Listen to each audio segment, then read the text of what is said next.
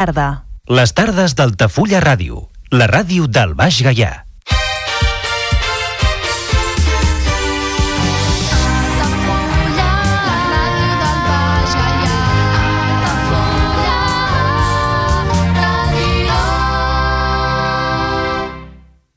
Altafulla Ràdio.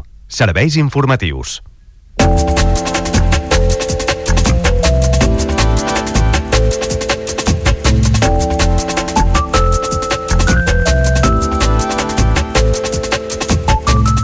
L'Ajuntament d'Altafulla inicia els tràmits per expropiar els terrenys on s'ha de construir la bassa de laminació del puntet.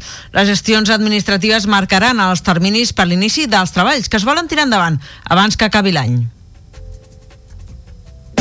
Enxampant infraganti un home que intentava robar l'hotel Sant Martín d'Altafulla. L'home havia ocupat la caseta del jardí de l'establiment per poder assaltar-lo quan no hi hagués ningú. I la policia local d'Altafulla evita l'ocupació de tres habitatges gràcies a l'avís dels veïns. S'han donat en aquest mes de gener en diferents punts de la zona de Baix Mar. I Altafulla s'ha d'adherar als plans d'igualtat i LGTBI impulsats des del Consell Comarcal del Tarragonès. La commemoració del 8M es dedicarà en guany a retre homenatge a les anònimes imprescindibles que van exercir feines on eren invisibilitzades. A Torredembarra, el projecte d'urbanització d'un tram del carrer Lleida està en exposició pública. Preveu intervenir un total de 77,55 metres de llargada i una amplada mitjana d'11,90 metres. Inclou també la reforma de la Unió del Vial amb el carrer del Mercat. I a Roda de Barà es comptarà amb un pla educatiu d'entorn. La iniciativa té el suport dels representants de tots els centres educatius del municipi. La Diputació de Tarragona traslladarà la seva seu operativa a l'antiga seu de Caixa Tarragona de la plaça Imperial Tàrraco. L'ENS destinarà 10 milions d'euros a comprar i rehabilitar l'edifici on s'hi ubicaran uns 300 treballadors que deixaran el Palau del Passeig de Sant Antoni. Unió de Pagesos convoca mobilitzacions per reivindicar la gravetat de la situació que viu el sector amb l'augment de preus i la sequera. Es faran a tot el país el 13 de febrer i a Tarragona es preveu també actuar contra les importacions. S'actuarà al port. La Generalitat de Catalunya restringeix l'ús de telèfons mòbils als centres educatius a partir del curs vinent. A infantil i primària no es podran usar i a l'ESO hauran de, de pagar-se en arribar al centre i només es faran servir en situacions excepcionals.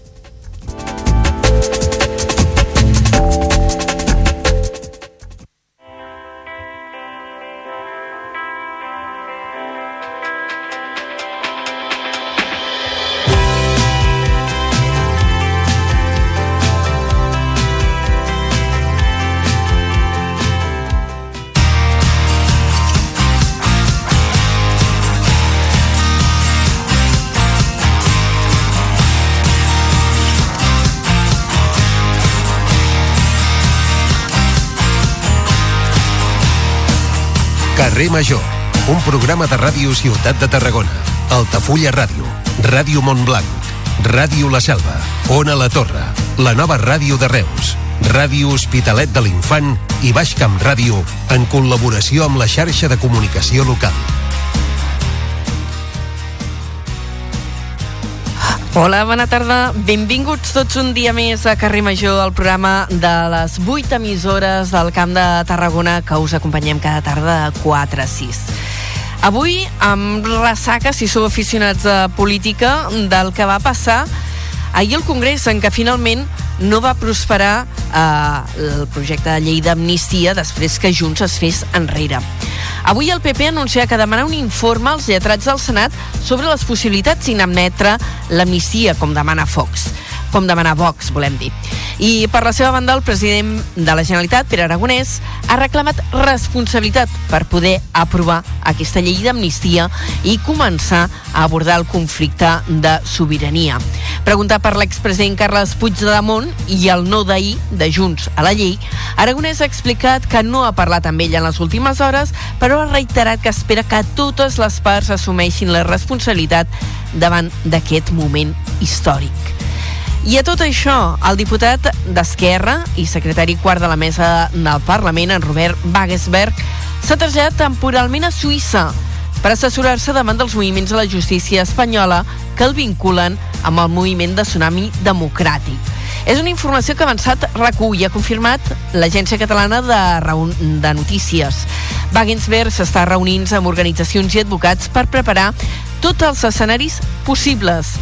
I és que el seu nom ha aparegut diverses vegades relacionat amb la causa que està investigant el jutge instructor Manuel García Castellón, que veu terrorisme en les actuacions de Tsunami Democràtic. I en relació amb el que va passar ahir alguns, al Congrés, Wagensberg ha dit sobre l'amnistia ens equivocarem si pensem eh, que trobarem un text que els jutges no, que els jutges no intentaran rebentar. I al marge de tot això, avui el ministre de Presidència i de Justícia, en Félix Bolaños, i el vicesecretari institucional del PP, Esteve González Pons, s'han reunit ja a la Comissió Europea en la primera trobada amb mediació del comissari de Justícia per intentar desbloquejar el que està encallat des de fa molts anys, que és la renovació del Consell General del Poder Judicial. Tot això és el que passa en plana general. En plana local, ara us explicarem moltes qüestions. En aquest programa, a Carrer Major, són les emissores del Camp de Tarragona i us acompanyem tot l'equip que fa el programa. Som moltíssima gent. Liri Rodríguez, l'Aleix Pérez, en David Fernández, la Cristina Artacho, a la Gemma Bufies, l'Adrià Recusens, en Jonai González, a l'Antoni Mellado, Antoni Mateos, l'Anna Plaça, que sóc jo mateixa, i us acompanyo en aquesta primera hora, des d'ara i fins les 5, i el Iago Moreno que el tenim al control tècnic. Comencem.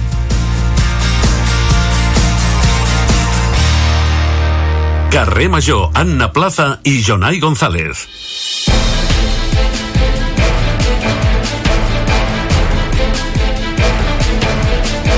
Són les 4 i 6 minuts i el que farem ara amb en Jonai González és repassar en format titulars les notícies del dia. Jonai, bona tarda. Molt bona tarda. Comencem destacant que 8 empreses del Camp de Tarragona han rebut 1,7 milions d'euros del Departament d'Empresa i Treball per a noves inversions industrials. Aquestes subvencions permetran mobilitzar una inversió total de 9,4 milions d'euros, la consolidació de 356 llocs de treball i també la creació de 89 de nous. El consum dels consorciats del Consorci d'Aigües de Tarragona es mantia estable amb 77 hectòmetres cúbics durant tot l'any passat.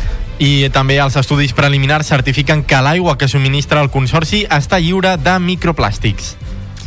Aturem Hard Rock afirma que el Departament d'Acció Climàtica té una impossibilitat molt clara per encaixar el projecte de Hard Rock a la normativa.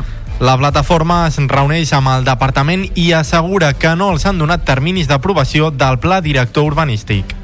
El Consell de Ministres ha donat el vistiplau perquè AENA apliqui un increment de les tarifes del 4% a partir del març. Paral·lelament, el Consell d'Administració de la companyia ha aprovat l'aplicació d'incentius per a aquells aeroports amb menys de 3 milions d'usuaris, entre els quals es trobaria l'aeroport de Reus. En l'àmbit judicial, dos germans s'enfronten a 18 anys de presó per intentar matar amb destrals dos homes de Tarragona. Un dels quatre implicats va perdre el dit petit de la mà esquerra i parcialment dos més durant la baralla. En crònica local avui destacarem que acaba el període de prova de la reordenació de trànsit al centre de Reus. La Guàrdia Urbana i la Regidoria de Seguretat Ciutadana i Convivència en fan una valoració positiva. I a Tarragona s'ha donat el tret de sortida les jornades d'accessibilitat a les ciutats Patrimoni de la Humanitat. El Congrés se celebra aquest dimecres i dijous al Palau de Congressos de la ciutat de Tarragona. En esports arriba la novena edició de la Ultra Trial de Tarragona que es disputarà el 24 de febrer. Es tracta d'un clàssic del running al nostre territori que ja compta amb 400 inscrits. I en cultura, el protagonisme avui pel Mèdul Centre d'Arts Contemporànies de Tarragona que ha presentat la programació d'enguany. La idea del centre és convertir-se en més que un centre d'exposicions i expandir-se a altres espais emblemàtics de la ciutat, com serien la Tabacalera o l'Antic Banc d'Espanya. Moltes gràcies, Jonai. D'aquí mitja hora, una miqueta més, repassem, ampliem amb detall aquestes notícies. Fins després. Adéu.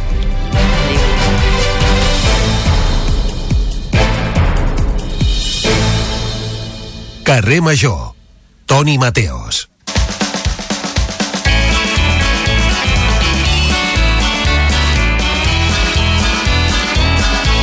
Ai, Mateus, quina gana que tinc. Tens gana? No he dinat. Mi- Mira, no has dinat? Mira l'hora que no. és. Ai, Mira, no he, no he dinat perquè ara ho explico, ara explico la trampa, eh? Uh, L'entrevista que ve després de parlar amb tu és gravada.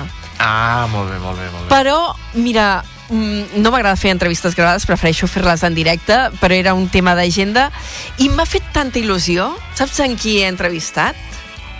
Eh, sí, però ho saps. diré, ho sé, però diré, no, Anna, no, amb qui No ho has saps. entrevistat? Avui he entrevistat una de les grans veus radiofòniques del nostre territori que s'ha passat a la política. He entrevistat Josep Bages. Molt bé, la gran sorpresa. Tanta il·lusió entrevistar-lo. La gran sorpresa. Ma mare, ma mare pensava que anava per alcalde. I jo, no, mama, no, que, que va per segon. I diu, ah, sí? Ah, sí? I ma mare, ma mare, que és una dona molt sàvia, que farà aviat 88 anys, Hombre, hombre, diu, pues las elecciones las ha ganado el Bages, me va dir ma mare. quina gràcia. Doncs mira, això que això diu ma mare, eh? Això, això. Això diu ma mira, mare. Qui ho sap, qui ho sap, a veure, no sé si la Sandra Guaita No li ho sé, faria sí. gaire il·lusió, però... Però ma mare diu que les eleccions les va guanyar el Bages. Ella diu, jo vaig votar el Bages. Bueno, Home, és que- un RTB que se sol dir, Reus tota la vida. Um, sí, sí, sí. Doncs avui, d'aquí una estoneta, parlarem amb, amb Josep Bages. Uh -huh. uh, això serà ara, i tu, a partir de les 5, en qui parlaràs? Doncs mira, parlarem amb el senyor Raül Gil, que és el nou president de Jove Cambra Internacional de Catalunya. Ui, ens Des queda un del- programa molt empresarial avui, eh? Sí, sí, trobo que sí, trobo que sí. També tindrem el podcast de veïns amb el Pep. Herrera, un tastet que és un, eh, és un pintor que fa murals pel, per tot el món. Ai, que guai. això? Molt xulo. Trucarem al Mohamed Said Badawi, activista que ens parlarà de, des del Marroc de la Copa Àfrica, que està paralitzant tot el país i que Ai. justament ahir van eliminar el Marroc. Ai, ai, Això fa pupa. ai, fa pupa, fa pupa. Ah, fa molta pupa. Oh, Dios mío. Als Tonis us parlarem, m'ha agradat molt el tema que m'has proposat, de fílies i parafílies sexuals, les més estranyes i les més comunes, per un És- tema esgarrifós. Eh, Home, el tema és tremendo. lleig. O sigui, Molt clar, lleig. jo, hi va haver un moment que vaig riure, però vaig pensar, Anna, no riguis. Anna, no És riguis. que un senyor un futbolista Sí. li va tocar els pits a la senyora que feia de mascota de l'Espanyol. Clar, el tema és que la senyora anava vestida de periquito De de, l'Espanyol, i això fa gràcia. Però clar, Sí. que el senyor vagi i li toqui impunament i amb tota la barra del món als pits, sense cap mena de... con- És per pagar-li de clatallots fins al carnet d'identitat. Doncs Però el tema Anna? ens, eh, va derivar, va derivar, sí, Sí, sí, perquè fliparàs, perquè hi ha una filia, bueno, hi ha una parafília relacionada amb la gent disfressada d'animals. Doncs mira, Ja, mira, uh, diuen que potser jo no li ve d'aquí. Sí, sí, Potser ja veuràs. Té un nom supercomplicat que ara sóc incapaç de És reproduir. igual, ja ho, ho explicaràs després de les 5. Ara, aquest Sí. senyor, futbolista, targeta No, vermella, eh? Eh, targeta vermella absoluta. Targeta vermella absoluta. i patada al cul, ja està. I tant, i tant. Banda sonora del Camp de Tarragona i anirem amb la furgoneta a les jornades sobre l'accessibilitat i el patrimoni a Tarragona amb la Cristina Artacho que entrevistarà el senyor Nacho Garcia. Perfecte, que per cert el vam tenir també no fa gaires dies parlant de patrimoni i d'urbanisme. Doncs avui parlarem concretament d'aquestes jornades. Toni, tot això serà a partir de les 5. Gràcies Sí. i fins després. A tu, fins després, Anna. Una abraçada. Cada tarda de dilluns a divendres fem parada a Carrer Major.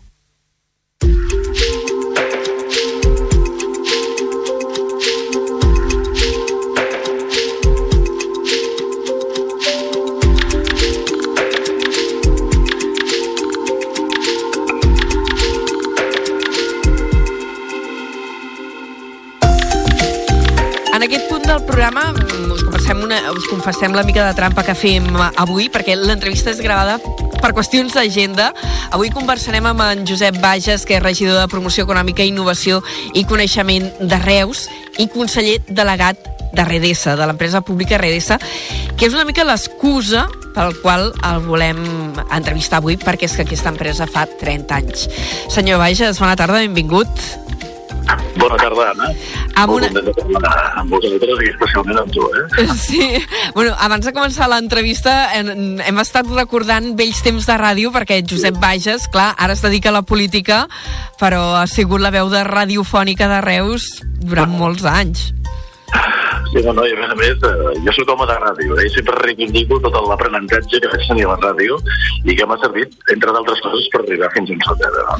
Doncs mira, ens, eh, en, ens alegra retrobar-nos després de tant de temps perquè ara feia temps que, que no coincidíem, que no xerràvem i doncs mira, aquesta entrevista és també una retrobada. Uh, què fem? Uh, parlo de vostè o et dic Josep? Home, Josep, Anna, sisplau, Josep. que ens coneixem des que anàvem a les curs. Sí, sí, quasi, quasi. Mira, pantalons curts no, però de fa 20 anys sí, eh? De que érem jovenets tots dos. Doncs. Josep, eh, si em permets, eh, comencem amb una qüestió de- d'actualitat, després ja entrarem a parlar d'aquest 30è aniversari de RDS, però avui a Reus heu tingut eh, visita eh, del conseller de Treball de la Generalitat, de Treball i Empresa, en Roger Torrent, eh, perquè veníeu a visitar una empresa a la qual hi ha estat concedida una subvenció per part de, del govern català. Explica'ns. Sí, no, i a més a més que és una empresa que està molt vinculada a la realitat, eh, no només empresarial, sinó fins i tot social. És una empresa molt compromesa amb la realitat ciutadana, que és Preciber, de la família Correig i de la família Casas, una família més de 50 anys de, de trajectòria en el món de, de l'empresa i que han situat precisament Preciber com un referent en el que és l'elaboració de peces de metal·lúrgia de precisió. No? I és molt bonic que, que vingui un representant de, del nostre govern, de, de Catalunya, del nostre país, a posar en valor la tasca d'uns empresaris que han fet tant per la ciutat i nosaltres sempre diem a Reus que fer empresa, tenint en compte que està molt interioritzat en el nostre ADN, és fer ciutat. I el cas de Preciber és paradigmàtic d'aquesta evidència. No? Uh, una empresa que ha rebut una subvenció de, de mig milió d'euros. De fet, el conseller ha aprofitat uh, per anunciar uh, les aportacions que, que fa el govern al Camp de Tarragona. Mm, ha concretat que hi ha vuit empreses al territori que rebran 1,7 milions d'ajuts per fer noves inversions industrials. Estem parlant d'empreses també molt especialitzades, no? Perquè, pel que ens explicaves en aquest cas concret d'aquesta empresa reusenca. Sí, no, perquè són empreses, a més a més, que tenen una projecció internacional. És molt important aquesta capacitat que sempre ha tingut l'empresariat reusenc, l'empresariat local, de mirar més enllà. No? Sempre diem que el nostre mercat no és només Reus, Catalunya o Espanya, sinó que el nostre mercat és el món. I Preciber, precisament, mm, exporta absolutament a països dels cinc continents el que demostra aquesta voluntat d'obrir-se, de, de diversificar el mercat, que el que vol dir també és garantir una clientela, un, un ventall de, de, de clients que, que a més a més et, et, et fa més fort, no? et genera una, una certa robustesa, especialment en moments de crisi. No, no depens únicament d'un país, d'un mercat, sinó que et permet diversificar el risc, i això és molt important per les empreses. No? El conseller ha visitat aquesta empresa, l'heu acompanyat. No sé si aprofitant la visita heu fet alguna coseta més o li heu demanat alguna cosa en concret?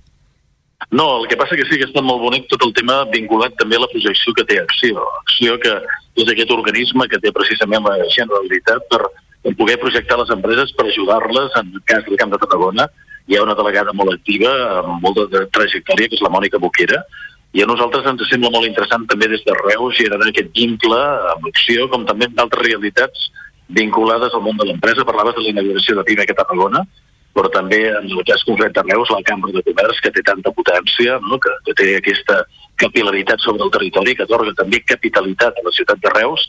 Per tant, aquesta suma de voluntats, no tot ho ha de fer l'administració, ens hem de deixar acompanyar, això també parlo com a Ajuntament, i és molt important que aquests altres agents, el que són corporacions de dret públic com la Cambra, patronals com PIMEC, doncs també han de sumar a l'hora de poder ajudar les empreses. Uh -huh. I de Redesa, que n'heu parlat amb el conseller? No, perquè avui el protagonisme era per, per Fiber. Eh, avui el protagonisme és per les empreses. A més a més, la nostra alcaldessa, la Sandra Guaita, sempre diu que hem de fugir d'aquests protagonismes, que, que cal, el que cal fer des de l'administració és acompanyar, i RDESA, que, que és aquest acrònim Reus Desenvolupament Econòmic, el que vol precisament és facilitar les coses. Nosaltres no volem sortir les fotos, no volem, no volem que se'ns assenyali per, per, per, robar protagonisme a ningú, sinó que el que volem és sumar, fer xarxa, ajudar i contribuir a precisament el desenvolupament econòmic, que és la nostra raó de ser. Uh, però avui, enguany hi sortireu a la foto, eh? perquè l'altre dia ja, ja encetàveu aquests actes de commemoració del 30è aniversari de, de Redesa, que va néixer com una incubadora d'empreses, com un projecte que va ser molt pioner en el seu moment, perquè clar, estem parlant de 30 anys enrere, d'això d'incubadores d'empreses, de, uh, coworkings, tot això ara se'n parla molt, però 30 anys enrere devia suposar una revolució, i a més amb un model eh, que no s'ha reproduït en altres municipis de, del Camp de Tarragona, perquè Tarragona, per exemple, tenen eh, Tarragona Impulsa, però no té la dimensió que té Redesa. No, tot i que sí que és cert que, que arreu de, de la demarcació de Tarragona, per exemple, el cas de Flix, el cas de Hospitalet de l'Infant i el cas de Montblanc amb Conquectiva són models que s'inspiren en Redesa. No? Abans deies això de la foto, és cert que vam sortir la foto, l'alcaldessa i un servidor, però envoltats de més de 30 emprenedors de, de Redesa, perquè insisteixo que els protagonistes són ells. Ah, vau final, ser portada, eh? Poca broma. No, sí, no me'n recordo si el mes o el diari de Tarragona, però vau ser portada però ja dic, no, no era per sortir nosaltres de la foto per marcar-nos el tanto, sinó que aquí l'important són els emprenedors i la gent que fa empresa. I el que, el que et volia posar en valor de, de, de, és a dir, Redesa que, per què serveix, no? Que fins i tot a mi, que, sóc un, un romàntic de les coses de Reus vinculades al món de l'empresa, físicament el, el Redesa neix el que coneixem com el Viver, Redesa Viver és l'edifici que hi ha al camí de Valls, que ocupa l'espai que durant el segle XIX va ocupar la primera refineria de petroli de l'estat espanyol que no estava en una zona portuària. Saps que això no ho sabia? Tot i que jo sí. hi havia treballat, la meva primera feina radiofònica va ser a Onda Cero que tenia la seu allí, a Redessa Viver, i això no ho sabia. Sí. Doncs mira, això al segle XIX allà hi havia la Pensilvània, que és on es refine, eh, era una refineria de petroli de la família Guirella, que la família Guirella Reus fins i tot va fer un banc, que es compleix el 75 aniversari, i després, durant el segle XX, allà es va construir la Crolls, que és aquesta fàbrica d'electrodomèstics, oh, que van impulsar una sèrie d'empresaris ausents. No? Per tant, de les cendres, diguem-ho així, de, de la Pensilvània i de la Crolls, acaba sorgint el que és Redesa Viver, que vol servir precisament per facilitar l'emprenedoria de les empreses. No? I neix en el concepte aquest de Viver, de trobar un espai físic perquè les empreses puguin començar a créixer i a desenvolupar-se, però evidentment amb un acompanyament tècnic per, per dotar-les de, de tot el coneixement que els pugui possibilitar fer, fer aquest creixement, no? perquè l'empresari moltes vegades té la idea, però li falten els mecanismes, la manera, el sistema, a part de l'emplaçament, no? I això és el que Redés en el seu moment és capaç de generar, com tu molt bé deies, fa 30 anys d'això, i a partir d'aquí Redés ha anat creixent, ara té espais molt diversos, com pot ser el Tecnoparc, on hi ha Fira de Reus, i per tant és un model d'èxit que, que per això ens semblava interessant, amb, coincidint amb el 30è aniversari, posar-lo en valor, no només celebrar l'aniversari de forma puntual, sinó durant un any i mig, no, no ens hi posem per poc, fem molts actes que puguin servir per subratllar la feina que s'ha fet des del punt de vista polític, però sobretot tècnic, al voltant del viver d'empreses. No? per la gent que no ho coneix, podríem dir que d'una banda RDS eh, llogueu espais perquè les empreses que estan en procés de creació es puguin instal·lar i tinguin una primera seu a preu públic eh, i entenc que també oferiu assessorament, que aquest deu ser una part important. Ho has explicat molt bé, però a l'inrevés. És a dir, ah. primer el que podem és l'assessorament i a partir d'aquí el que diem, escolti'm, vostè a més a més pot, pot ser que necessiti un espai, n'hi ha que no, no els hi fa falta, o que ja el tenen, o que pensen que, que poden fer una feina diferent, però, escolti'm, a més a més li, li facilitem això que deies tu, a preu públic, molt avantatjós, un espai perquè vostè pugui créixer, desenvolupar-se, i després això és com la canalleta, no? que es fan grans, que tu te'ls estimes molt perquè els has vist créixer, però arriba un punt que, que marxen de casa. Doncs amb el Viver passa el mateix. Les empreses, per exemple, per un exemple molt gràfic, el de Fresli Cosmètics, que ara és una gran empresa i, i que neix el Viver, no? Neix, neix amb un despatxet és un superreferent, no? Per, per sí, vosaltres no, també deu ser un gran aparador, una empresa com aquesta que ha aconseguit la projecció internacional que té, a més, eh, nascuda mm, a partir d'una iniciativa d'estudiants de la URB. Ho han patat, aquesta gent. No, no, aquesta gent, a, a més, eh, jo diria que ho té tot a l'hora de posar-lo com a exemple pel creixement, per la dimensió, que, que s'han fet grans, que nosaltres tenim ganes de que tornin d'una manera o d'una altra, perquè ho volem procurant aquesta, en aquesta etapa és que tota aquesta gent, no et dic que tornin físicament, perquè evidentment ja, ja tenen unes altres necessitats d'espai, però que el coneixement ha adquirit l'exemple, no? la practicitat que, que, que han après a Redesa la puguem també utilitzar per servir d'exemple. Però si em permets, en el cas de, de Redesa Viver, eh, el que és l'espai del Camí de Valls, sí. l'any 2007-2009 van venir la gent de T-Systems. Evidentment estem parlant d'una multinacional, però ells van pensar que es podien implantar Reus. I el que van fer va ser llogar un despatx a Redessa Viver per 12 treballadors, no? Estem acabant ara aquests dies la remodelació de l'edifici Bioempreses, que en diem Redessa Innovació, l'edifici, i ara serà la seu a la Catalunya Sud de T-Systems amb 500 treballadors. Tu imagina't, per tant, el que permet el viver, que evidentment no estem parlant del, del naixement d'una empresa, però sí de l'acompanyament d'una empresa que pensa en instal·lar-se a la zona, que se li ofereix un primer espai, que se, que se l'ajuda, fins i tot amb una cosa que en diem el soft landing, que és aquella gent que, que necessita treballadors que venen de fora, eh, té, sistem, té molts treballadors russos, els que cal buscar habitatge, cal buscar escola pels fills, un acompanyament de tot tipus i això els li facilita Redessa i aquesta empresa finalment acaba construint o ubicant-se en un edifici de Redessa amb 500 treballadors. No? Això és fantàstic, eh? des del punt de vista de la gestió pública d'intentar facilitar les coses a les empreses perquè creixin, perquè generin riquesa, que reparteix sobretot a la població, això és fantàstic. Mira, ara et faré una, arran d'aquest cas, eh, una pregunta així una mica capciosa. Um, clar, estem parlant d'una empresa que mobilitza ja 500 professionals. En aquests casos, encara continua sent necessari aquest suport uh, públic, allò per implantar-ho també amb, amb una seu de, de Redessa, que no deixa de ser una empresa uh, pública que depèn de la- de l'Ajuntament, o aquests ja haurien de començar a caminar solets, o... No, no, no. és pregunta ells- capciosa, ells el eh? que fan- El que fan és un... Ells paguen un preu de mercat. Eh? En aquest cas, evidentment, no, no tenen una bonificació. Ah. Lògic. Per, pel tipus de dimensió d'empresa, però jo sí que voldria posar molt l'accent i més pel meu perfil, eh, que jo sóc una persona que, que he treballat molts anys a la Càmera de Comerç, que he conegut Sí. la realitat de les empreses, la necessitat que l'administració, això que et deia que sempre subratlla l'alcaldessa, no? D'acompanyar les empreses, de facilitar la feina a les empreses, i més en una ciutat com la de Reus, no? Fa uns mesos vam viure una situació tensa perquè vam haver de pujar els impostos, que és una realitat molt dolorosa. Eh? Per, per algú que es vol dedi- dedicar a la gestió pública, arribar a l'Ajuntament i el primer que has de fer és pujar els impostos és molt dur. I en protestes Però- que vau tenir a Reus, n'hi ha hagut a Sí. Tarragona, n'hi ha hagut a un treballo jo ara a Torredembarra, dir, sí, sí, ha sigut un context bastant general, eh, aquest? Però la manera de no pujar els impostos, més enllà... Perquè, evidentment, els serveis els has de prestar, i si volem serveis de qualitat per a la ciutadania, això té un preu.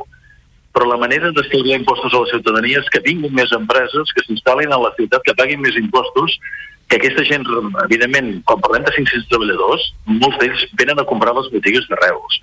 Tot això compren pisos a Reus. Per tant, tot això genera riquesa i moviment econòmic que al final tot això reverteix sobre la ciutat. No? Jo el que, el que estic intentant introduir és aquest llenguatge de que les empreses els hi hem de posar tot molt fàcil.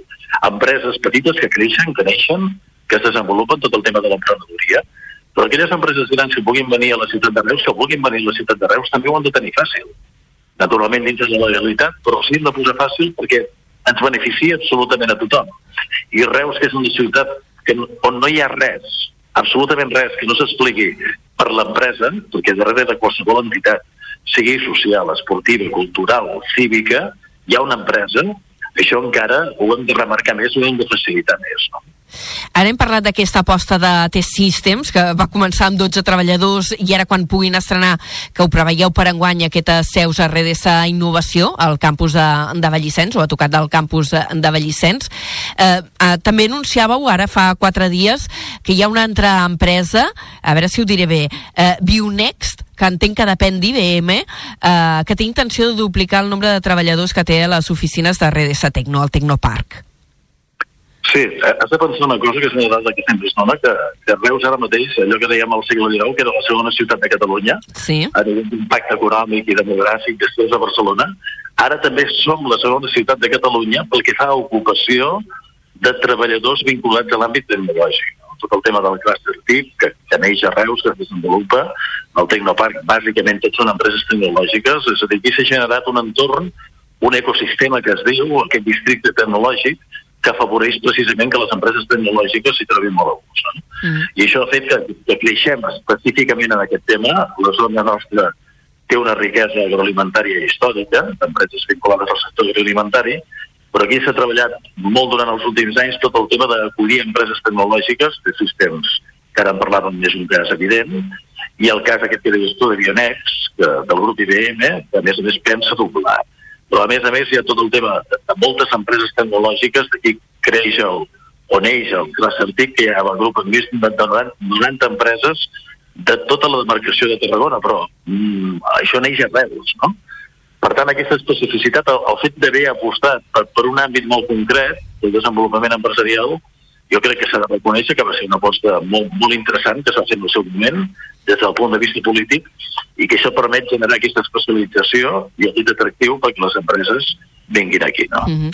eh, tot plegat també vinculat amb unes instal·lacions físiques que són les del Tecnoparc a tocar de, de Fira Reus. Eh, com estan funcionant aquestes instal·lacions? Perquè el nivell d'ocupació és elevat. No sé si necessiteu es, més espais, si teniu planificat ampliacions, com, com està? No, nosaltres, eh, això de dir, precisament per la bona feina que s'ha fet des del punt de vista tècnic, estem en ocupacions que gairebé seguen el 100%, del 95, del 99%, tant especialment en, en tres espais que són els més significatius, que és el Tecnoparc, ara tu citaves, Redesa i Illa, que és on neix pròpiament Redesa, i després el que en diem el CEPIT, que és un àmbit també que hi ha al costat mateix del Tecnoparc, al costat de l'edifici d'Activa Mutual. I com et deia, doncs estem gairebé al 100% d'ocupació i això fa que un dels projectes que desenvoluparem aquesta legislatura és la construcció del CEPIT 2, a tocar del CEPIT 1, amb tres plantes pensades per ocupar tres empreses grans que vulguin també ubicar-se a la ciutat. Jo t'he de dir que en aquests primers mesos de legislatura sí que hem observat que la, la ciutat per la seva situació estratègica, el que és i pel que serà, tenint en compte la construcció de la futura estació central intermodal, el baixador de Bellvicent al campus universitari i el desenvolupament del trencant. Aquesta és una zona que estratègicament des del punt de vista de comunicacions és molt interessant. Mm -hmm. I això fa que moltes empreses ens estiguin trucant interessant-se per veure quines possibilitats hi ha d'implantar-se. Jo sempre dic que que tota aquesta zona sud de la ciutat, de creixement urbanístic, empresarial, no és només el que és ara, sinó el que podrà acabar sent en un termini de 10 anys i les possibilitats són immenses. Uh, entenc que en aquest sentit, i ara ho esmentaves, no, el baixador de Vallissens uh, serà crucial per donar centralitat a, a, en aquesta zona de la ciutat que clar, que, que quedava com una mica despenjada del centre, no? És allò de, oh, me n'he d'anar a la fira, me n'he d'anar a l'hospital, al campus de Vallissens, buah, és lluny, no? No, no, i, i és el que et deia, no? És a dir, i fins i tot hi ha hagut alguna certa, certa reticència per part d'una part de la comunitat universitària al voltant de les possibilitats d'aquest baixador. No? Ah, sí? Això em sorprèn. No, no, més que res per un tema del, del que és el campus, la, la necessitat, la integritat del campus universitari, que això també s'ha de, de respectar. Eh? Quan tu poses la, damunt de la taula tots els elements, eh, jo puc entendre aquest posicionament d'entrada que, que pot generar una certa no animadversió, però de dir, escolta, a veure, mirem s'ho bé això, que, que no trenqui la unitat del campus, eh? una estació mm. d'aquestes característiques, però jo, jo hi veig moltes possibilitats. I, I al final, des de que em dedico al tema de l'administració pública, el polític, la, els que tenim responsabilitat en aquests àmbits, hem de prendre decisions que de vegades no és que hagin de ser impopulars, però que poden generar un cert desconcert o una certa inquietud, però s'han de prendre. I com nosaltres el que fem és estimar-nos la ciutat i creure molt en el potencial de la ciutat. I el tema universitari, a més a més, pel perfil de l'alcaldessa, que és investigadora, que és professora de la URB, doncs el tenim molt interioritzat i realment si fem aquesta aposta és perquè creiem molt en la necessitat de potenciar la universitat a la ciutat. No? Mm. I els sistemes de transport, de comunicació que són vitals, ara mateix aquesta setmana que presentàvem la Benxeta, eh, tota aquesta zona sud quedarà molt connectada a la ciutat, i ja et deia, i no només a la ciutat, eh, sinó en aquesta zona metropolitana que també creiem molt, i que això serà, tindrà una potència absoluta. Ja no, no hem citat l'aeroport, però bé, si ja és la cirereta del pastís, això que estàvem explicant. No? Uh, avui estem parlant amb en Josep Bages, el regidor de Promoció Econòmica, Innovació i Coneixement de Reus, també conseller delegat de Redesa, i el motiu bàsic de l'entrevista és parlar d'aquest 30è aniversari de Redesa. Ens queda poc temps, Josep, um, però clar, jo m'he quedat amb algunes xifres. Al llarg d'aquests 30 anys, per Redesa hi han passat 600 empreses. Poca broma. Actualment hi ha uns 1.500 treballadors. Sí, sí. No, no, és que és una ciutat en petit, eh? jo sempre ho dic, i a més a més, la, des que jo estic a l'Ajuntament, el que tinc molt d'interès és aquesta realitat, perquè aquí pensa que hi ha moltes empreses que han vingut de fora, que, que s'han instal·lat al Tecnoparc perquè han cregut precisament allò que dèiem, amb l'ubicació estratègica, amb la facilitat de comunicació. Hi ha molta gent de Tarragona que ve a treballar al Tecnoparc perquè diuen que en 8 minuts es planten al lloc de treball, que no han d'entrar a Tarragona, que no han de patir semàfors, diguem-ho així, però clar, aquesta gent, el, el problema que jo tinc des del punt de vista local és que m'interessa que s'integrin a la ciutat, que la coneguin, que la respirin, no? i potser és el que ens queda una mica més desconnectat, la zona del Tecnoparc, la del Viver no tant, i el que volem amb aquest 30è aniversari precisament és acabar de relligar-ho tot, no? Que se sentin partícips del que fem a la ciutat, de que a la ciutat hi ha teatres, hi ha activitat cultural, hi ha moltes coses que passen. Jo mateix que també, per, per circumstàncies, porto els mercats, doncs al Tecnoparc hi ha, hi ha un frigorífic amb fruita del mercat que es renova de manera constant perquè la gent tasti la fruita del mercat, que sàpiga que a Reus tenim un, uns mercats fantàstics on es serveix productes de primeríssima qualitat. I en tot cas, com et deia, que es visualitzi que, que la ciutat també creix, respira i es desenvolupa a la zona del Tecnoparc. No? Jo crec que darrere això eh, hem de posar en valor això que deies tu, no? aquestes xifres que de vegades són fredes, però que per altra banda són molt il·lustratives. Bueno, es parlen de molta gent, xifres fredes, xifres fredes. Vull dir, 1.500 treballadors són 1.500 persones. 1.500 persones, però tu penses, 600 empreses. I l'empresa no és només l'empresari, és l'empresari, l'inversor, el proveïdor, el treballador, les famílies que hi ha al darrere d'una empresa, no? Per això el que s'ha fet, i, i a mi, sobretot, jo tinc la necessitat de reivindicar l'aposta que es va fer fa 30 anys des del punt de vista de l'administració pública, que és això. Per què serveix un ajuntament? Serveix per fer això, per atrevir-se a impulsar un, un àmbit de desenvolupament econòmic com aquest, que ajudi a les empreses, que ajudi a les persones i que millori la qualitat de vida de la població, i això és vital, no? fer-ho. Uh -huh. uh, ara enceteu la celebració, l'altre dia ja ho fer aquesta trobada que, que va protagonitzar aquesta foto que deia, no? No només éreu vosaltres els polítics, sinó també molta gent eh, implicada o, o que ha passat a, a empreses que han passat per Redessa, treballadors. Um, però què més fareu? Així ja per anar acabant, almenys... Uh, perquè no. sé que teniu moltes coses programades al llarg de l'any, però així com a cosa destacada, que, què, què destacaries?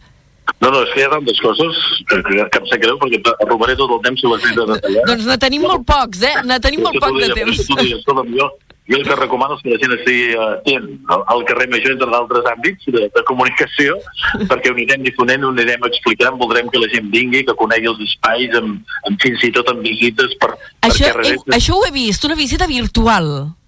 Sí, no, no, virtual i física, eh? perquè Redissa, a més a més, gestiona, per exemple, el restaurant del Gaudí Centre té tota la branca de, de l'habitatge social, que és molt important a l'hora d'acompanyar la gent.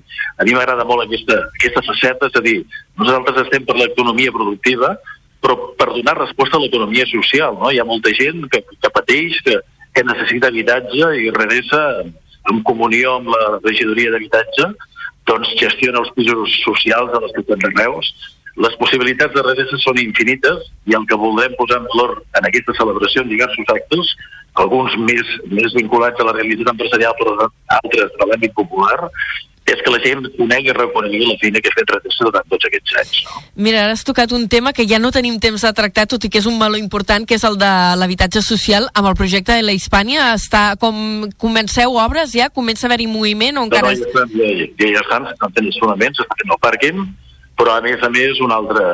És a dir, en poc temps, en sis mesos, hem aconseguit tancar uns 200 pisos.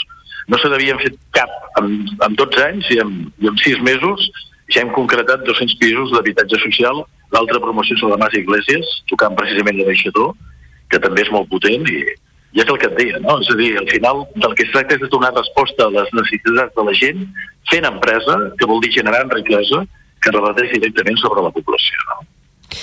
Josep Bages, ho hem de deixar aquí. Ha estat un plaer conversar amb tu, avui no com a, com a company periodista, o antic company periodista de professió, sinó com a polític, com a regidor de l'Ajuntament de Reus, responsable de l'àrea de promoció econòmica, innovació i coneixement, i hem parlat amb l'excusa d'aquests 30 anys de, de Redessa.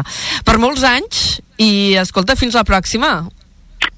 A vosaltres la, la gratitud i sobretot el reconeixement de la feina que feu, perquè una societat com la nostra no es construeix sense mitjans de comunicació potents com el seu vostre, també. Una Mol abraçada. Eh? Moltes gràcies, Josep. Fins la propera. Fins la Carrer Major, al Camp de Tarragona, des de ben a prop.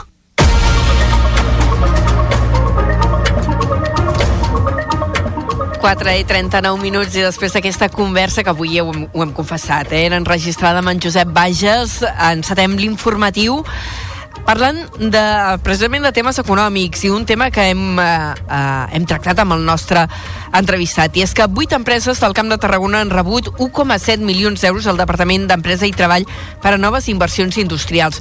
Aquestes subvencions permetran mobilitzar una inversió total de 9,4 milions d'euros, la consolidació de 356 llocs de treball i la creació de 89 de nous.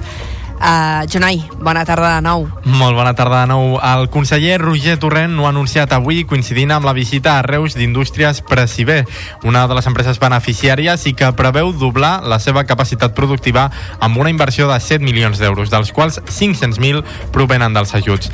El conseller d'Empresa i Treball ha destacat que la recuperació i impuls del sector industrial és un dels objectius del govern. Volem que la indústria tingui encara més pes del que té en aquests moments a l'estructura econòmica de Catalunya i per tant que recuperem aquesta força industrial que havia tingut dècades enrere a eh, Catalunya i que volem posar al dia. Volem una indústria moderna, digitalitzada, eh, amb alt valor eh, afegit, que és capaç de generar llocs de treball de qualitat, estables, ben remunerats i molt arrelada al, al territori. Paral·lelament, Torrent ha reafirmat les paraules de la consellera Mas sobre la cogovernança dels fons europeus i confia que abans del 2026 es desplegui un PERTE territorial. Ara tot just fa uns dies teníem aquí el programa el president del Consorci d'Aigües de Tarragona, en Joan Alginet. Avui aquest organisme que gestiona el mini transvasament de l'Ebre ha fet balanç de l'últim any. Ha explicat que el consum de consorciats del CAT es manté estable amb 77 hectòmetres cúbics durant l'any passat. Els estudis preliminars, a més, certifiquen que l'aigua que subministra el, el Consorci està lliure de microplàstics. Les dades mostren que els 69 municipis consorciats han consumit un 64% de l'aigua subministrada pel CAT i les 26 empreses la resta. El president del Consorci, Joan Alginet, ha insistit a remarcar que l'increment d'ús d'aigua regenerada per part de la indústria ha evitat que el Consorci d'Aigües de Tarragona assolís rècords de consum l'any passat. Alginet també ha insistit que l'ús d'aigua regenerada per part de la indústria pot reduir les captacions del riu Ebre l'esforç i el treball que està fent la indústria, en aquest cas del Camp de Tarragona, la indústria química, en base a la eh, reutilització. Eh? La reutilització que eh, respecte al consum general del CAT eh, estaríem parlant que l'aigua reutilitzada ja és un 7% eh, del volum de consum global del, del consorci, un 7%, i del volum de la indústria representa ja prop d'un 18%. Per tant, jo crec que són dades que hem de tindre en compte, que les hem de posar en valor el president del Consorci d'Aigües de Tarragona també ha assenyalat que es manté el pla de sequera, tot i la millora de les reserves a Maquinensa per responsabilitat i també per pedagogia. No desactivar el pla de sequera també és un missatge per dir a la nostra societat, al Camp de Tarragona i les Terres de l'Ebre, eh, no, no som aliens a la situació que viuen eh, a la província de Barcelona i Girona, Mequinens han tingut la garantia i la sort que s'ha recuperat amb molta rapidesa, però de la mateixa manera que s'ha recuperat, si recordem, l'estiu passat s'ha produït un fet inèdit que era, per exemple, que els regants tingués la meitat de concessió de la seva aigua i haguessin de fer la collita de l'arròs la meitat d'aigua, no? Això fa 4 o 5 mesos, no? El Ginet també insisteix que cal millorar l'eficiència de la xarxa en baix per evitar que es perdi el 50% de l'aigua distribuïda als municipis i ha recordat que el CAT acaba de rebre una certificació del 99,3% de la seva infraestructura. Pel que fa a la qualitat, els estudis preliminars certifiquen que l'aigua que subministra el Consorci d'Aigües està lliure de microplàstics. I tot just ahir es va reunir la Comissió Territorial del Camp de Tarragona de la Taula Nacional de l'Aigua amb l'objectiu de marcar el full de ruta de la gestió hídrica del territori. Segons ha informat la Generalitat, hi han participat una trentena d'actors implicats en la gestió i consum d'aigua i s'han abordat una setantena de propostes. Aquestes passen per l'aposta per l'aigua desalinitzada i regenerada, la millora i modernització de les xarxes de distribució i l'aprofitament d'aigües grises i pluvials. A la primavera hi haurà una nova reunió per tancar propostes que posteriorment s'elevaran a la taula nacional de l'aigua. Aquesta comissió territorial està liderada per la delegació del govern al Camp de Tarragona i entre les institucions institucions que hi participen hi ha el Consorci d'Aigües de Tarragona, Comunitats de Regants, Unió de Pagesos, Aigües Industrials de Tarragona i també entitats ecologistes. Aturem Hard afirma que el Departament d'Acció Climàtica té una impossibilitat molt clara per encaixar el projecte del Hard Rock a la normativa. La plataforma s'ha reunit amb el departament i assegura que no els han donat terminis d'aprovació del pla director urbanístic. La també portaveu de la plataforma, Anna Requesens, ha afirmat que Hard Rock no es pot fer per les dificultats d'adaptar el projecte a les exigències tècniques mediambientals i de seguretat química. Per això, des de la plataforma han reclamat al govern enterrar la iniciativa. El portaveu de Trem Hard Rock, Eloi Redon, destaca que Acció Climàtica té problemes per trobar l'encaix del projecte. Però nosaltres el que, el que reiteràvem ara mateix és que si portem ja 3 anys intentant modificar un pla director urbanístic i uns informes segueixen sent desfavorables i que no hi ha cap manera d'incabir-los, nosaltres creiem que ja és el moment d'enterrar aquest projecte d'una vegada per totes i deixar de marejar la perdiu en aquest sentit. Alhora, des de la plataforma han reivindicat que ha estat la mobilització popular qui ha frenat fins ara el complex que per l'entitat és nociu i destructor i hem de parlar també de gestió aeroportuària. El Consell de Ministres ha donat el vistiplau perquè AENA apliqui un increment de les tarifes del 4% a partir de març. Paral·lelament, el Consell d'Administració de la companyia ha aprovat l'aplicació d'incentius pels aeroports més petits, els de menys de 3 milions d'usuaris, entre els quals hi ha Reus i Girona. El govern espanyol assegura que, tot i aquest increment, les tarifes mitges seran més baixes que el 2015 i afirmen que els aeroports de la xarxa d'AENA seran seran els més competitius d'Europa. De fet, a l'aeroport del Prat i de Barajas les taxes són un 60% més baixes en comparació als aeroports principals. En el cas dels aeroports més petits, com és el cas de Reus, les aerolínies quedaran exemptes de pagar la tarifa per passatger de tots els viatgers addicionals als del 2023 durant 3 anys consecutius. I ho acabem de saber. Aquest matí hi ha hagut una incidència a la central nuclear de Vandellós 2. Concretament s'ha activat el sistema de detecció d'incendis a la sala de control de la nuclear. Segons ha informat el Consell de Seguretat Nuclear, el CSN, la caixa d'enllumenat d'emergència que està dins del sostre fals de la sala s'ha omplert de fum. Durant la revisió rutinària de les caixes, eh, quan s'extreia un relé, s'ha generat un pic de tensió que ha provocat un error i l'escalfament l'escalfament d'un transformador. Aquest és el que ha omplert de fum la caixa elèctrica sense que s'hagi arribat a generar flama. El Consell de Seguretat Nuclear ha qualificat la incidència de nivell 0 en l'escala internacional de successos nuclears i informa que el succés no ha tingut impacte en els treballadors, la ciutadania ni el medi ambient. I eh, tancarem aquest eh, bloc eh, amb una notícia d'àmbit judicial. Dos germans s'enfronten a 18 anys de presó per intentar matar amb destrals dos homes a Tarragona. Un dels quatre implicats va perdre el dit petit de la mà esquerra i parcialment dos més durant la batalla. Els fets van passar el 8 de març de l'any 2022, quan els quatre individus s'havien discutit i colpejat abans perquè dos d'ells van fer fora del pis on convivien al carrer Sant Miquel a un dels dos germans.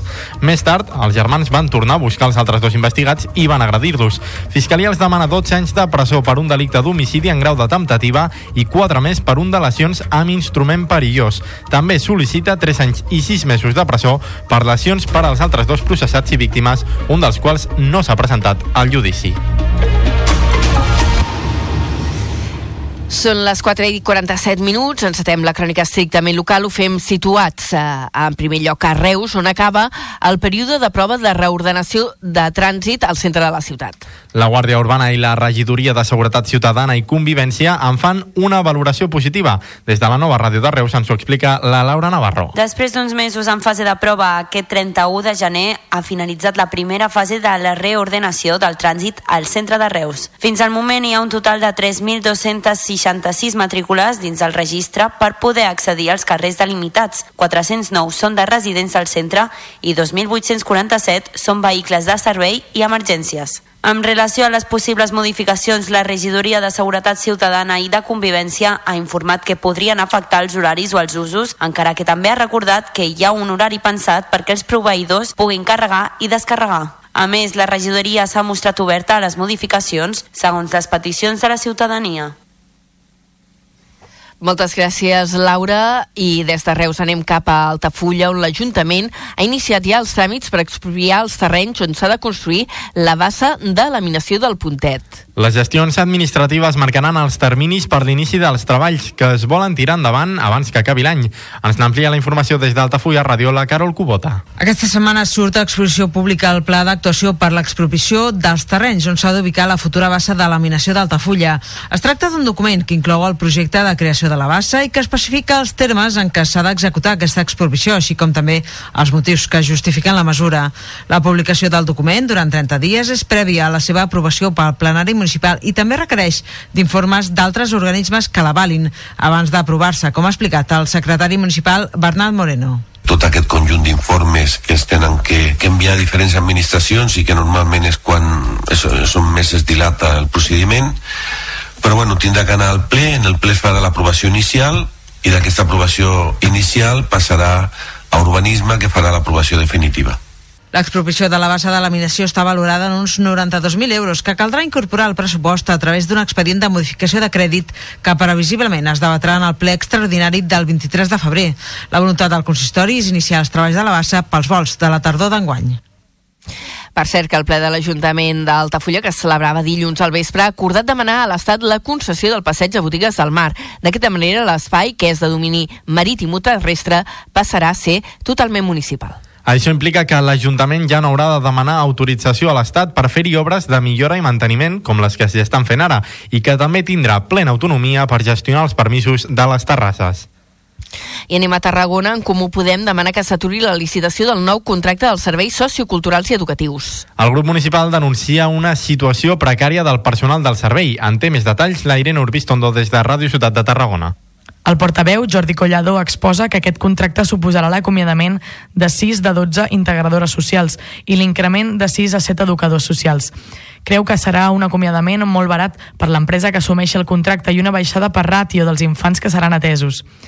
També es queixa que l'Ajuntament es justifiqui amb la falta de pressupost. Em sembla molt greu que l'Ajuntament faci això, perquè el que està posant en risc eh, és un servei eh, molt bàsic. No ens serveix eh, excuses de mal pagador al nostre entendre, eh, la Generalitat no subvenciona prou. Això ja ho sabem. La Generalitat no fa la seva feina. Manifesten que si l'externalització ha de ser una qüestió de mà d'obra barata, s'hi oposaran frontalment i, per tant, insten el govern actual a fer una auditoria de contractes públics per saber la situació actual i poder valorar quin és el nivell d'externalització que s'ha de fer. Moltes gràcies a aquesta nova incorporació de Ràdio Ciutat de Tarragona, la Irene. I ara parlem de les jornades Accessibilitat a les ciutats Patrimoni de la Humanitat que han arrencat avui, un congrés que s'està celebrant al Palau de Congressos de la ciutat. Es fa amb la coorganització de l'Ajuntament i el grup Ciudades Patrimonio de la Humanitat d'Espanya, on es proposen diverses ponències, taules de debat i tallers que posen el focus en com fer el patrimoni més accessible. Ens fa la crònica a l'Adrià Duc des de Ràdio Ciutat de Tarragona.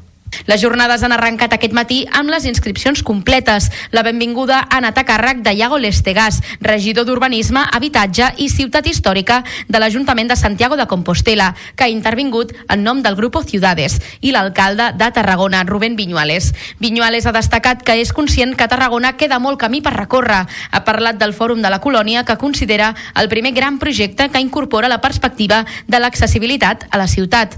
Els treballs compten amb un finançament de 3 milions milions d'euros de fons europeus i, segons ha afegit l'alcalde, suposaran un canvi substancial en la concepció d'accés al patrimoni.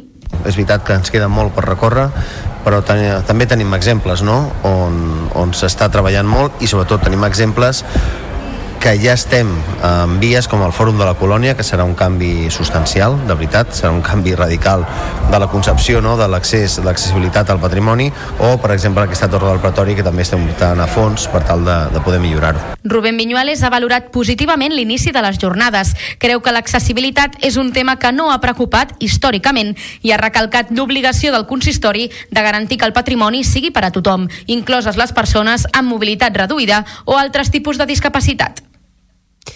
I ara parlem d'un servei de caràcter social que es comença a implementar a Vandellós. Es tracta d'un servei de canguratge que oferirà l'Ajuntament. El Casalet és el nom que rep i està adreçat a les famílies amb infants de 6 a 12 anys i estarà ubicat al Casal de Joves de dilluns a dimecres a partir del 5 de febrer. Des de Ràdio L'Hospitalet, Iri Rodríguez. L'Ajuntament de Vandellós i l'Hospitalet de l'Infant, a través de la Regidoria d'Igualtat, posarà en marxa un nou servei a partir del 5 de febrer. Es tracta del Casalet, un servei de cangruatge que estarà a disposició de les famílies amb infants de 6 a 12 anys al Casal de Joves de Vandellós. Esmeralda Saladier és la regidora d'Igualtat. Les famílies han de fer una inscripció prèvia, que la poden fer a la web de l'Ajuntament o quan, amb horari que el casal de joves està en funcionament. També voldríem dir que altres accions que estem preparant també amb, amb la línia de, de la conciliació per ajudar a la conciliació familiar és que en breu, en dos o tres setmanes obrirem també al costat del casal de joves un espai també per servei de canguratge pels nens de 0 a 5 anys. I properament també iniciar, iniciarem una iniciativa a l'Hospitalet de l'Infant aquest servei està finançat pel Fons Estatal Pla Corresponsables del Ministeri d'Igualtat a través del Departament d'Igualtat i Feminismes de la Generalitat de Catalunya.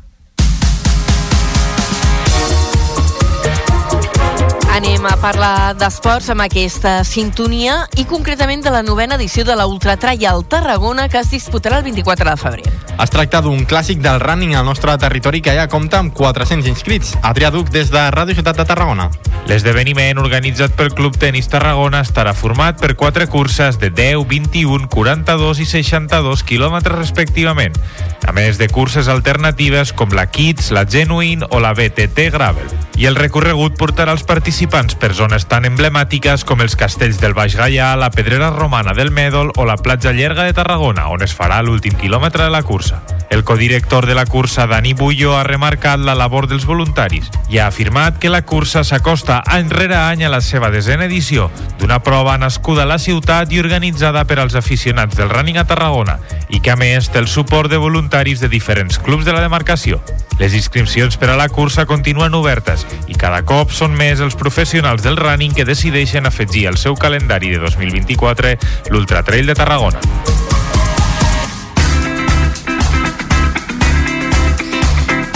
I acabarem amb cultura perquè el Mèdul, el Centre d'Arts Contemporànies de Tarragona, ha presentat avui la seva programació d'enguany. El Mèdul s'expandeix a la Tabacalera i l'Antic Banc d'Espanya. Des de Ràdio Ciutat de Tarragona ens ho explica l'Adrià Duc. La consellera de Cultura, Sandra Ramos, ha parlat sobre l'activitat del Mèdul per aquest 2024 aquest 2024 volem continuar provocant i reivindicant doncs, aquest paper transformador de la creació artística. I ho farem amb una programació que inclou fins a 26 artistes expositius en 12 mostres individuals o col·lectives, més de 25 artistes en una vintena d'activitats per la seva banda, el director del Mèdul, Vicent Fibala, ha posat èmfasi en les accions més enllà de les exposicions que tindran lloc en diversos espais de la ciutat. Com sempre hi ha activitats i accions, siguin en col·laboració, com en el cas de Cultura Verda, o en col·laboració en Escan, el festival, que ara en parlem, en diversos espais de la ciutat. Posa 12, podrien ser 8 o podrien ser 14. Per tot això hi ha propostes que van canviant i una mica anem pensant quins espais fan falta per a, per a cada cosa. Algunes de les exposicions més destacades són Digital After All, que tindrà lloc a la Tabacalera, Zoocosis, que es podrà veure a l'edifici de l'Antic Banc d'Espanya, o exposicions d'artistes tarragonins com Vanessa Pei i Jorge Conde. També podrem veure una selecció de continguts audiovisuals a càrrec del col·lectiu novaiorquès DIS.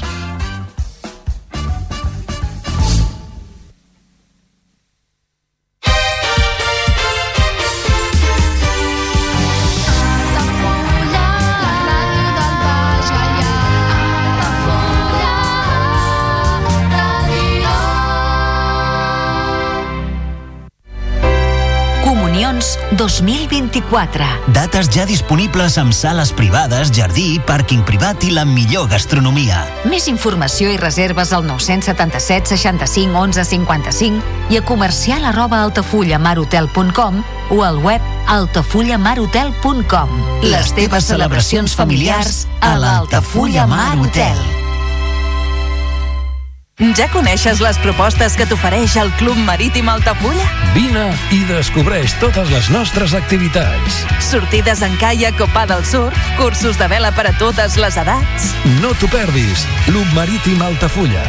Obert tot l'any i per a tothom.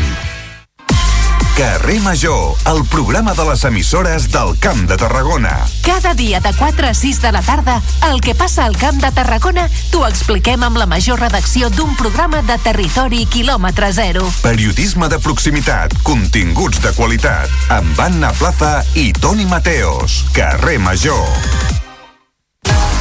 La pilota torna a rodar i el centre d'Esports Altafulla juga una temporada més a Altafulla Ràdio. Els groc i negre reben el filial de la Unió Esportiva Baix en el primer partit de la segona volta al Joan Pijuan per intentar fer bo el punt obtingut a Baimoi amb la cinquena plaça a l'horitzó.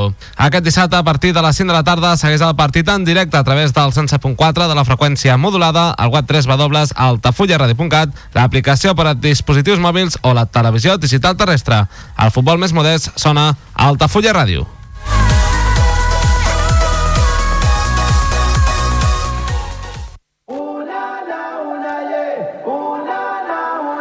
Avui es perdrà la meva por davant dels teus ulls, els teus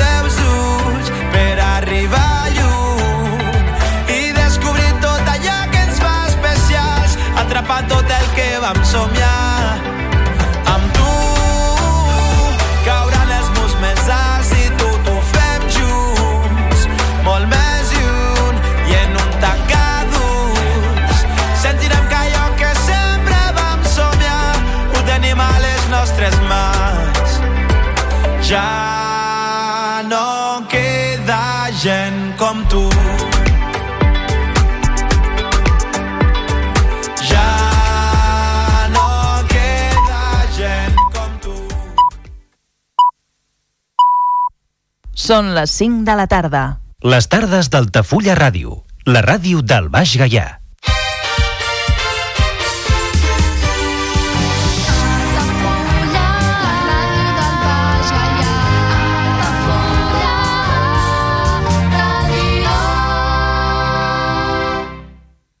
Altafulla Ràdio, serveis informatius.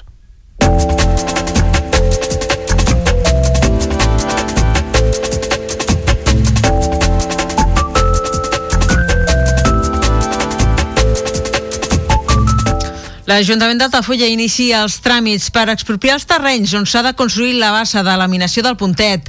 Les gestions administratives marcaran els terminis per l'inici dels treballs que es volen tirar endavant abans que acabi l'any. Enxampen infraganti un home que intentava robar l'hotel Sant Martín d'Altafulla. L'home havia ocupat la caseta del jardí de l'establiment per poder assaltar-lo quan no hi hagués ningú. I la policia local d'Altafulla evita l'ocupació de tres habitatges gràcies a l'avís dels veïns. S'han donat en aquest mes de gener en diferents punts de la zona de Baix. I Altafulla d'adherar als plans d'igualtat i LGTBI impulsats des del Consell Comarcal del Tarragonès. La commemoració del 8M es dedicarà en guany a retre homenatge a les anònimes imprescindibles que van exercir feines on eren invisibilitzades. A Torredembarra, el projecte d'urbanització d'un tram del carrer Lleida està en exposició pública. Preveu intervenir un total de 77,55 metres de llargada i una amplada mitjana d'11,90 metres. Inclou també la reforma de la Unió del Vial amb el carrer del Mercat. I a Roda de Barà es comptarà amb un pla educatiu d'entorn. La iniciativa del suport dels representants de tots els centres educatius del municipi. La Diputació de Tarragona traslladarà la seva seu operativa a l'antiga seu de Caixa Tarragona de la plaça Imperial Tàrraco. L'ENS destinarà 10 milions d'euros a comprar i rehabilitar l'edifici on s'hi ubicaran uns 300 treballadors que deixaran el Palau del Passeig de Sant Antoni. Unió de Pagesos convoca mobilitzacions per reivindicar la gravetat de la situació que viu el sector amb l'augment de preus i la sequera. Es faran a tot el país el 13 de febrer i a Tarragona es preveu també actuar contra les importacions. S'actuarà al port. La Generalitat de Catalunya restringeix l'ús de telèfons mòbils als centres educatius a partir del curs vinent. A infantil i primària no es podran usar i a l'ESO hauran de, de pagar-se en arribar al centre i només es faran servir en situacions excepcionals.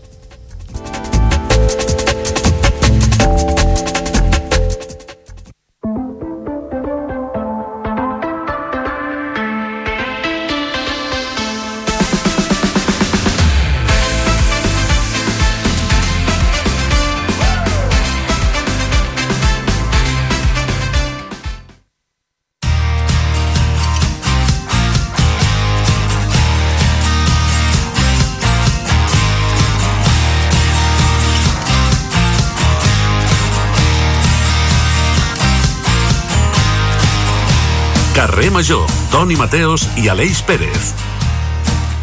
Hola, què tal? Avui començarem parlant d'Austràlia, ja que una mare ha trobat una serp de metre i mig al calaix de la roba interior. Qui en surt, amics i amigues? Era el calaix de la roba interior del seu fill, i no, no és que el nen li l'hagués ficat allà a la serp perquè li agradessin les bestioles o li agradés col·leccionar bitxos, no, no. Resulta que la mare estava recollint la roba estesa i la serp es va colar entre els calçotets del nen. Molts han estranyat de que no notés la serp el seu pes, però la dona diu que no, no, no ho va notar. I allí la va trobar a la serp a l'obrir una estona després al calaix per ficar-hi més roba. La dona va trucar al Fran de la Jungla d'Austràlia, que es diu Mark Pelly, de Snake Hunter, el caçador de serps, que només veure la serp es va ficar les mans al cap al descobrir que era una serp marró oriental, la segona serp més verinosa del món. Una picada i en dos minuts, pim-pam-pum, cadàver. És una serp violenta, nerviosa i mortal.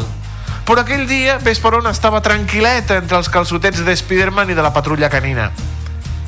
Aleix Pérez, què és el més estrany que tu has trobat tu en el calaix de la roba interior, estimat? Bona tarda, Toni Mateos.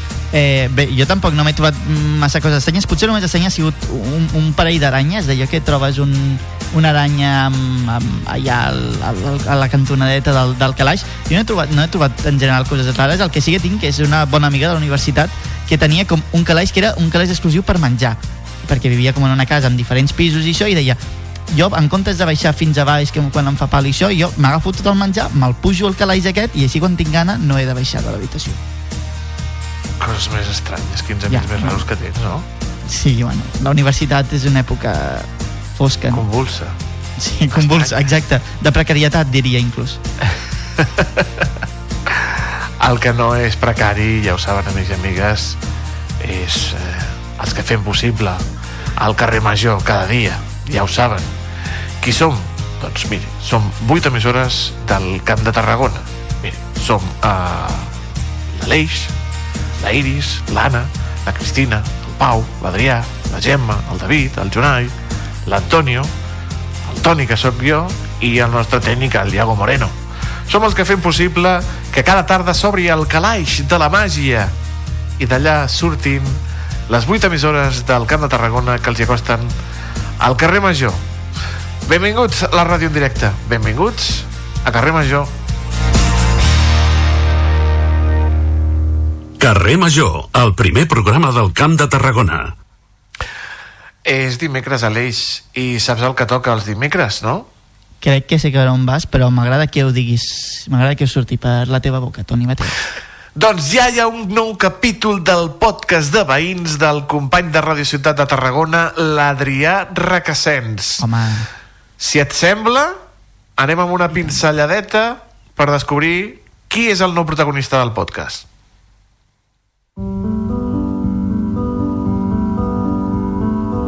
Aquest és un nou capítol del podcast veïnal del Camp de Tarragona. Històries i protagonistes del nostre territori. Els missatges socials i la pintura són dues paraules claus en el protagonista d'aquesta setmana del podcast de veïns. Em dic Pep Herrera, tinc 23 anys, sóc de Bellmunt del Priorat i sóc artista autònom i sobretot la meva tasca es dedica a pintar murals de grans dimensions i intento els meus projectes que sempre eh, parlar de la inclusió, de la diversitat i doncs, fer-los el més participatius possibles. Pep Herrera, un jove artista que de petit ja tenia clar i va descobrir que les arts plàstiques eren lo seu.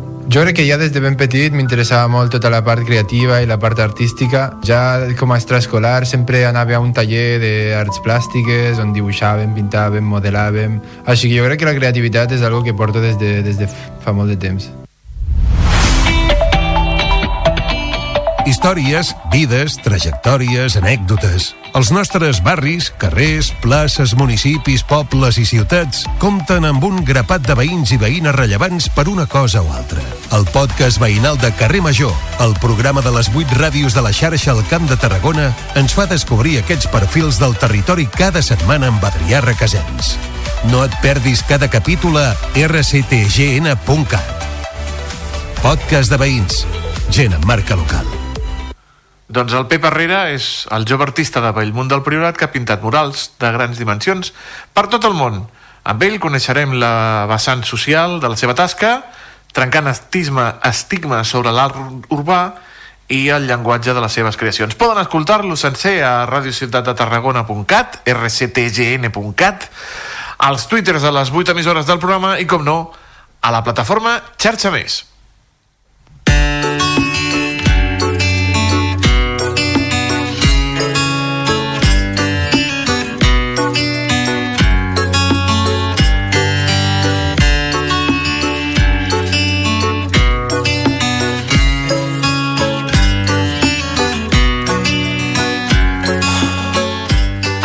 Parlar d'una entitat amb solera a Catalunya, la Jove Cambra Internacional, perquè un altafollenc és el nou president d'aquesta entitat. Des del passat cap de setmana, Raül Gil és el president de la Jove Cambra Internacional de Catalunya. I avui el tenim assentats als estudis de la nova ràdio de Reus i el saludem. Senyor Gil, bona tarda i enhorabona pel nomenament. Bona tarda, moltes gràcies. Per qui no us conegui, qui sou la gent de la Jove Cambra Internacional? La gent de la Jove Cambra Internacional uh, som joves, joves que, que som una miqueta inquiets. Eh, diríem que hi poden haver joves líders, eh, joves emprenedors, però no el que s'entén com a líder o emprenedor en el sentit de tenir la teva pròpia empresa, sinó gent inquieta que li agrada fer coses. Li agrada anar una miqueta més enllà, li agrada eh, innovar, li agrada dirigir projectes i li agrada tenir idees, sobretot. És una entitat més que centenària al món, la Jove Cambra Internacional, però aquí a Catalunya és joveneta, des dels anys 70, no, senyor Gil? Uh, sí, gairebé, gairebé farem 60 anys.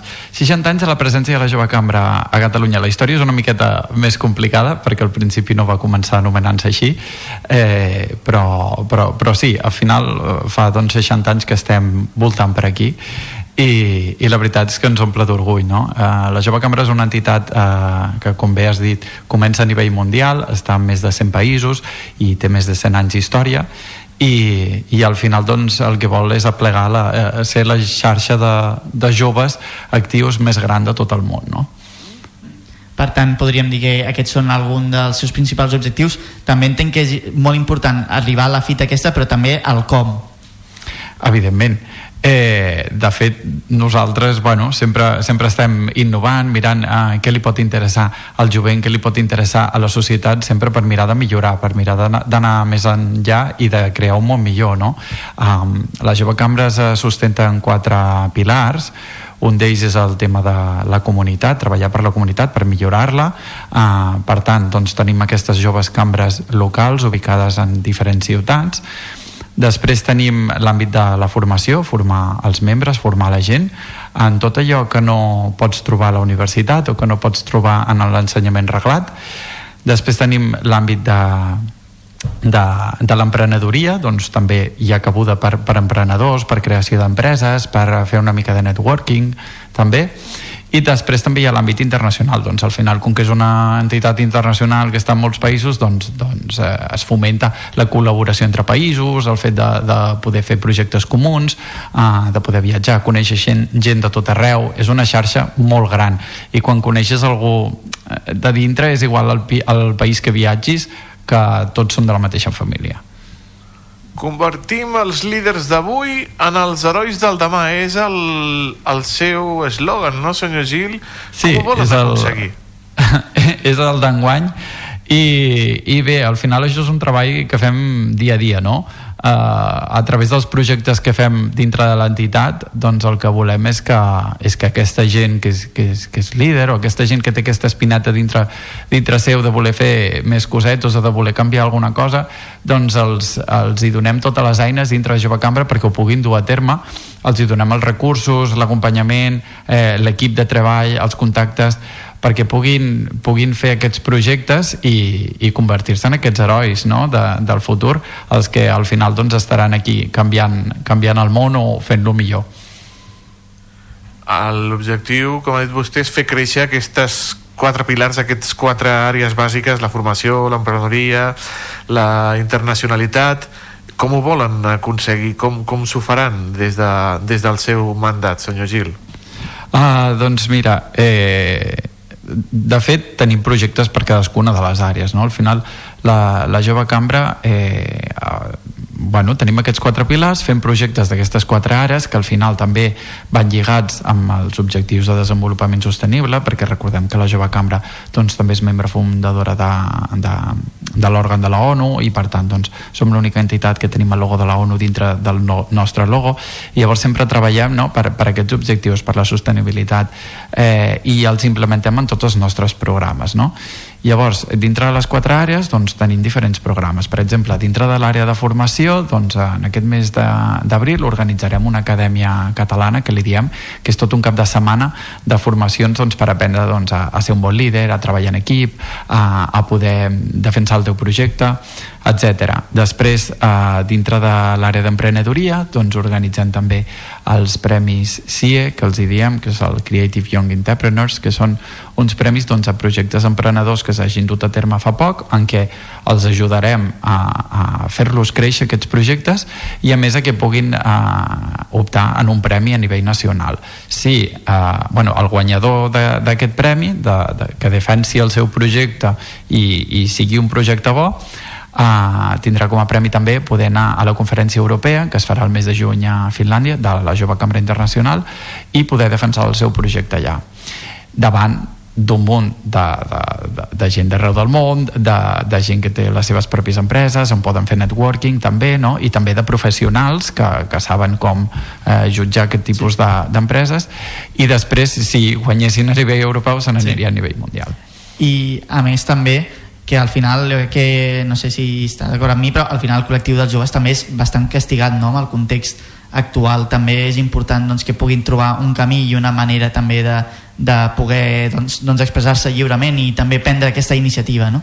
Correcte, al final nosaltres li, els hi donem les eines perquè ho puguin dur a terme. També organitzem, per exemple, eh, concursos de debat, concursos d'oratòria i, i formar les formacions corresponents perquè aprenguin també a, a tenir la seva pròpia veu i a defensar les seves pròpies idees llavors doncs, doncs eh, intentem una miqueta donar-los les eines, formar-los no? sobretot també en, en creixement personal però en el sentit d'aprendre coses que després tu te pots endur cap a la teva pròpia feina, al teu món laboral o, o a la teva vida personal i aplicar aquests coneixements allà un dels projectes estrella, senyor Gil, és la construcció d'una escola a Gàmbia per part de Correcte. Jove Cambra, no?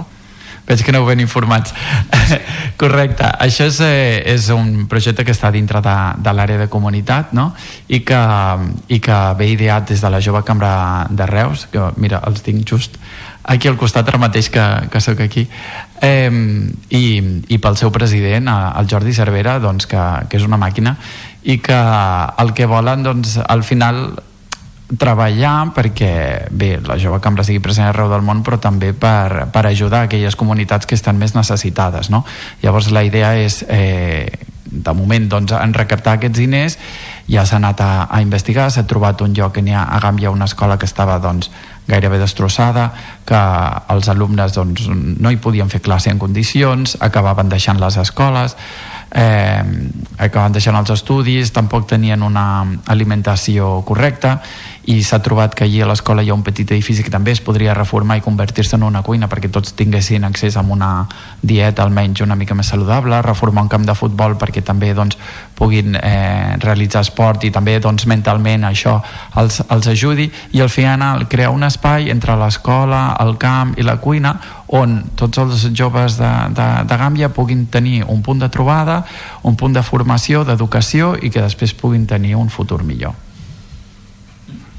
i també eh, al final tots aquests projectes entenc que ho comentaves abans de començar l'entrevista també però a vegades també eh, ha, de, ha de pagar no? la gent que vol participar-hi és, més, és més una feina també voluntària no? també de, de la iniciativa d'aquest voler ajudar en comptes de potser esperar un retorn econòmic Exacte, al final no deixem de ser una organització sense ànim de lucre i llavors doncs no, no, no ens lucrem amb el que fem, sinó que tots som voluntaris, ho fem tot amb el nostre temps lliure, eh, amb les hores i el temps que hi puguem dedicar i de bona fe i, i clar, passa molt sovint no? que organitzem doncs, doncs, uh, un programa, per exemple el que deia l'Acadèmia aquesta catalana sí que intentem uh, intentar tenir doncs, eh, contactes perquè no sé, ens puguin cedir l'espai i que al final no surti tan, tan car tot plegat, però sí que és veritat que, que al final doncs, hi ha una part que s'ha de pagar i els membres ho paguen perquè al final doncs, això, tot això té un retorn cap a tu, cap a la teva vida, cap a la teva formació i cap a tot que, que, que, ho, vols, que ho vols fer ho vols fer. Intentem que sigui el més reduït possible, però clar, és inevitable. El senyor Gil és eh, president de la Jove Càmera Internacional de Catalunya des del passat dissabte, dia 27, sí. i ha agafat el relleu de la Georgina Matamoros, escollida vicepresidenta de Jove Cambra Mundial. Ojo, Correcte. ojo, que el llistó està molt alt, senyor Gil. Eh, Déu-n'hi-do, déu nhi déu la, la, Georgina, la Georgina també és, eh, és una crac, és, és, té molta empenta i, i tot allò que es proposa ho aconsegueix. I, i bé, doncs jo estic molt content de, de poder ser el seu relleu, uh, de poder-la tenir com a, com, a, com a precedent, com a mentora, com a, també com a figura aquí, aquí, aquí mirar eh, amb ella hi ha molts més membres que estan dintre de l'entitat que han passat per, pel seu lloc abans que ella i que també són, són molt grans no? Eh, jo porto a l'entitat ja aquest serà el novè any i la veritat és que estic molt content, he après molt, la meva vida ha canviat molt des, de, des del principi i aquest doncs era un pas que, que volia fer i que, i que necessitava fer.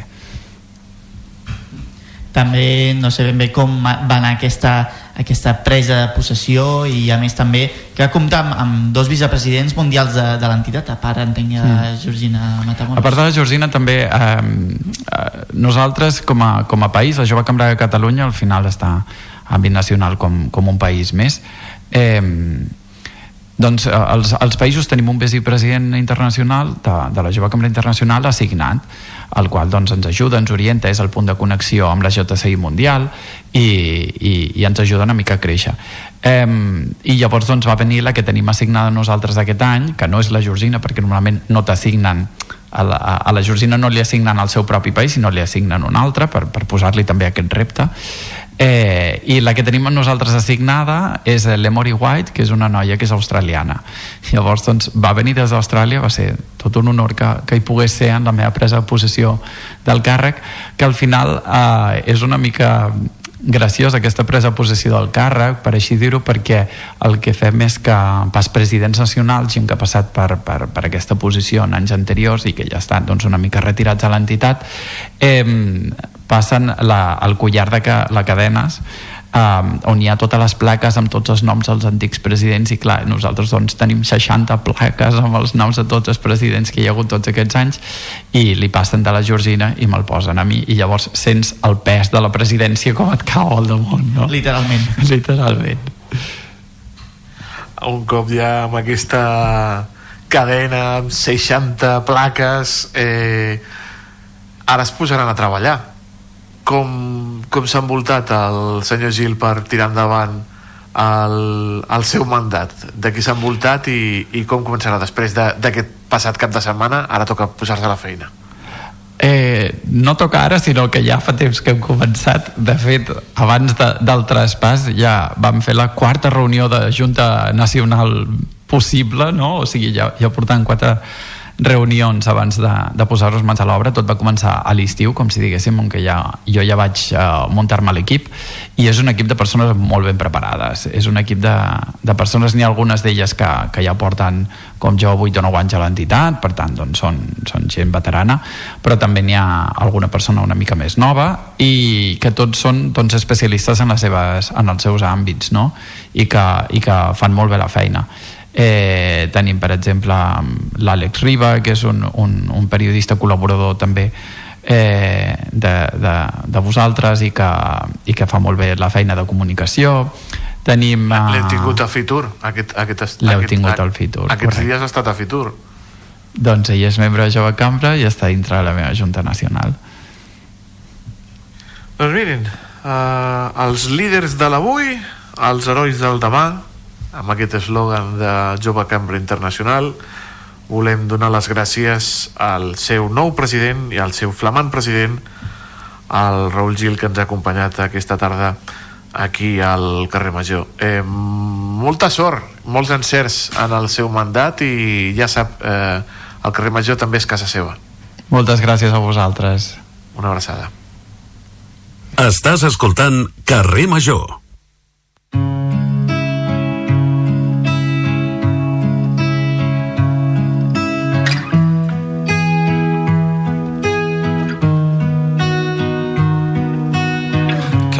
Per la mia città ed il vento soffia forte. Mi sono lasciato tutto indietro, il sole all'orizzonte. Vedo le case da lontano, hanno chiuso le porte. Anem a fer una mica dels cuentos del Iaio Mateos. Recordo perfectament un mes de febrer del 2010 que jo estava a Egipte.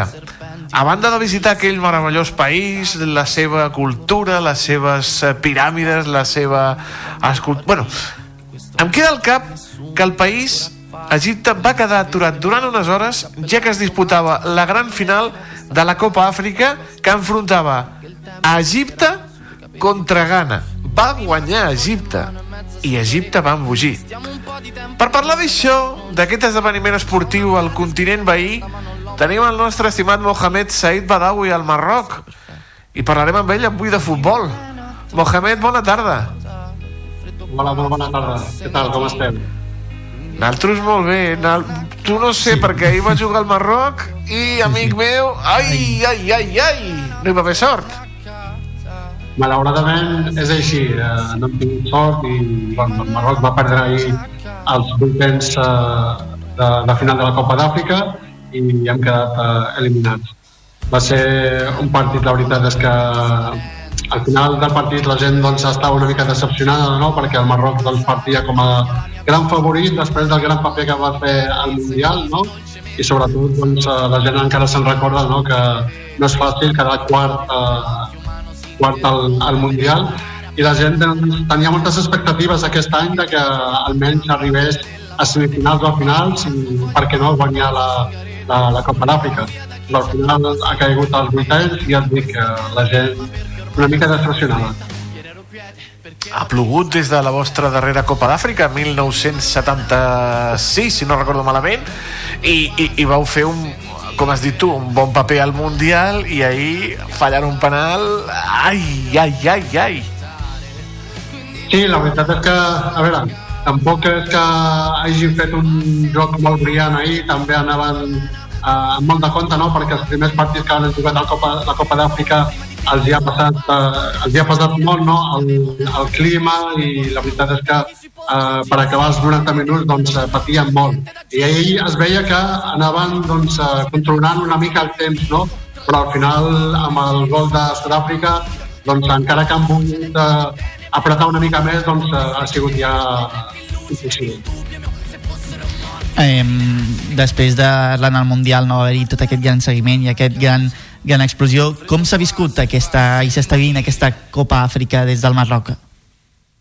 La veritat és que ambient de festa, tots els dies, tots els partits han sigut ambients de festa, aquí als establiments eh, es eh, enguerneixen, es posen moltes decoracions eh, nacionals i la gent doncs, eh, acudeix als establiments per veure els partits. Eh, molt poca gent doncs, eh, ho, ho, ho viu o, o veu des de, des de casa. No? La gent eh, prefereix anar a aquests establiments que són cafeteries no? normalment i que eh, hi ha un bon ambient, un ambient espectacular i, et- i veus el partit com si estiguessis a la mateixa grada del camp, no? la gent cridant, eh, patint, a, a, algun cop i, no, i celebrant també les victòries que, que de, les, dels primers tres partits que, que vam jugar doncs, eh, algun empat i dues victòries.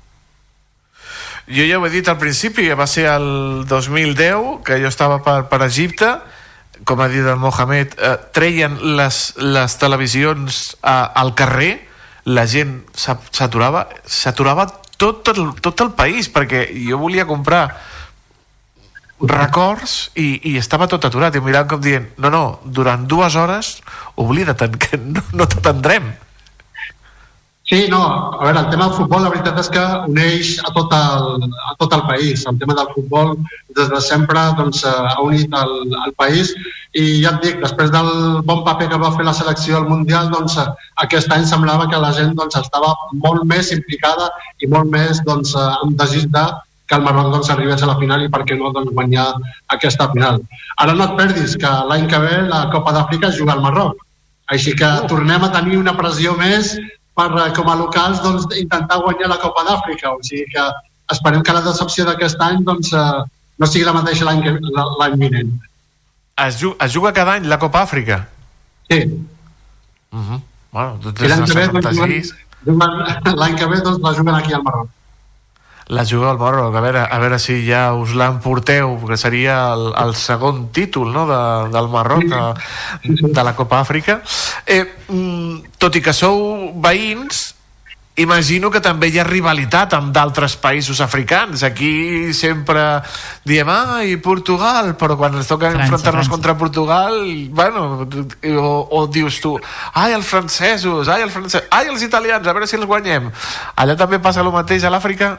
Sí, sí, sí, passa el mateix i sobretot amb el, el nostre país eh, veí, no?, que és Algèria, doncs, eh, que estem a tocar els dos països, però ja et dic, eh, ahir fins i tot sortien avui algunes imatges a les notícies locals aquí al Marroc de com la gent celebrava doncs, que el Marroc hagi quedat eliminada a la Copa d'Àfrica, ja que Algèria havia quedat eliminada doncs, eh, a les primeres, a la, a la, a les, eh, a les primeres, a la lligueta doncs, havia quedat eliminada i ahir doncs, eh, la gent celebrava que el Marroc hagués ha quedat eliminat al vuitens de final també.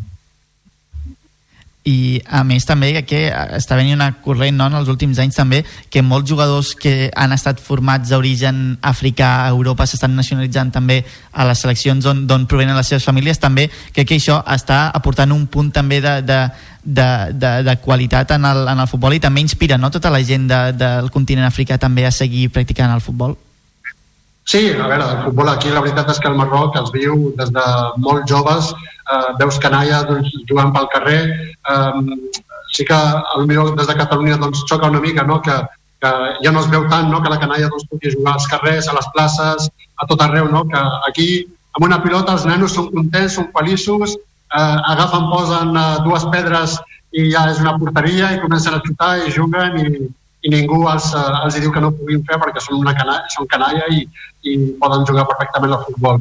Eh, el que has comentat, sí que és veritat que la selecció del Marroc, doncs, eh, eh, aquest any, últimament els últims anys, doncs, eh, la gran majoria dels, de joves que ha seleccionat el sele- seleccionador doncs, són gent ja formada, ja, bueno, són gent que ha nascut a Europa i s'ha format a Europa i ha jugat i estan jugant en grans equips. No? Ara mateix la selecció doncs, venien jugadors que han jugat a, eh, estan en equips doncs, a Espanya, a Holanda, a França, a Regne Unit, o sigui, és una molt bona selecció, però al final el futbol és així. No, no, eh, dius tu, eh, això del futbol del carrer, eh, Messi sempre deia, eh, cuando era pequeñito jugaba en la calle, li falta, falta calle, com, diuen, com, com diuen ara, te falta calle. Uh, Àfrica és potser el, el futur, si, han, si davant, abans era uh, Brasil, Argentina, que eren les grans meques del futbol, Àfrica pot ser el, el gran uh, continent del futbol, el, el futur del futbol? Home, sense cap dubte, jo crec que eh, encara que no sigui el futur del, de, del, del, del futbol, el que sí que et puc assegurar és que aquí la gent eh, gaudeix jugant a futbol des de molt petits. O sigui, ja et dic, et trobes canalla de 7, 8 anys jugant al carrer, tallant al carrer, jugant a futbol a qualsevol hora del dia i això, doncs, eh, veus que a les seves cares eh, eh, la felicitat no? de tenir una pilota i poder-la i marcar un gol i, i passar una estona jugant amb els companys al carrer. Eh, una de les coses que s'ha estat parlant també en els últims mesos ha sigut la creació d'una hipotètica superlliga de tot el continent africà que Ah, englobaria hi, ha, hi ha doncs, Superliga Africana, també? s'ha parlat de la creació d'una superlliga d'agafar els millors equips de cada No, està, de no, hi haurà cada- un Floren, no hi haurà un Florentino de país africà També hi ha un Florentino africà? algun deu haver-hi, no? Esperem, esperem primer que la facin la Superliga Europea i ja després doncs, l'africana, però de moment jo no crec que ni es pugui aconseguir ni a Europa ni a Àfrica que es faci una Sí, no. d'aquestes, perquè, bueno, eh, seria, és que jo crec que també hi ha d'haver un termini de descans pels jugadors perquè últimament doncs, són molts partits no, que s'estan jugant entre unes competicions i les altres i, i sembla que cada cop doncs, eh, tenen més termini per poder descansar i per poder doncs, eh, preparar-se per, eh, per les grans lligues. No? Per exemple, la Lliga Espanyola estem veient actualment el paper que està fent el Barça i la veritat és que des d'aquí ho segueixo eh, amb molt patiment perquè soc culer i aquest any doncs, eh, ens està passant factura també. Es veu igual de malament, eh? Des d'allà que des d'aquí. no creguis que estan aquí tampoc no, tampoc no millora la cosa. Eh? Ens fan patir encara que estiguem a l'altra punta del món. Exacte. Ja veig jo que sé col·le... Bueno, jo no et dic res, perquè jo soc, jo soc colchonero, jo soc de l'Atleti i, i, el, i està en el meu ADN el patiment, o sigui que us entenc perfectament. Mohamed Said Badawi, com sempre, gràcies a cuidar-se molt i tornem a parlar d'aquí 15 dies amb més cosetes des del Marroc. Igualment, una forta abraçada als dos. Una abraçada. Una abraçada. Gràcies. Les realitats del Camp de Tarragona a Carrer Major.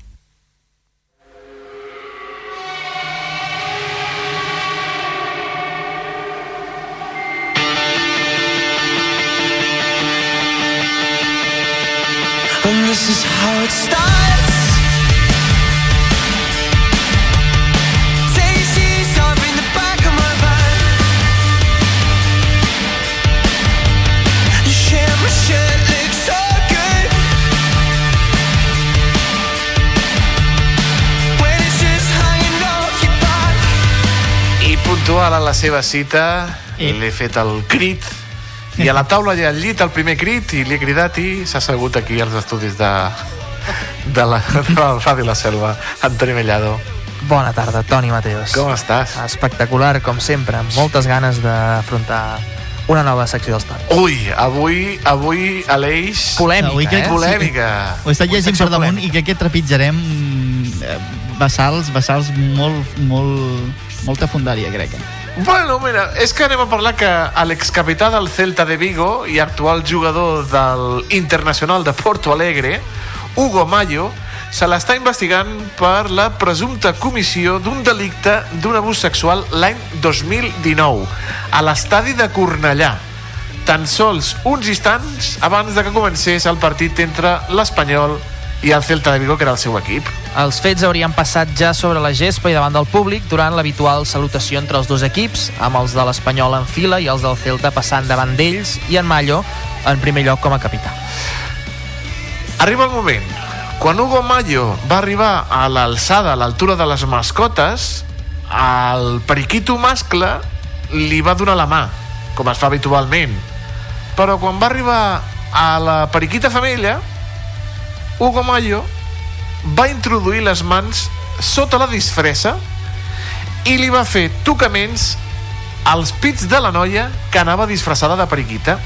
La noia va denunciar-ho davant dels Mossos d'Esquadra. Segons la declarant, li va agafar els pits amb les mans i va començar a fer moviments. Estem davant d'un presumpte abús sexual fet per aquest jugador de futbol a una noia que feia doncs, de mascota de l'Espanyol disfressada de periquito.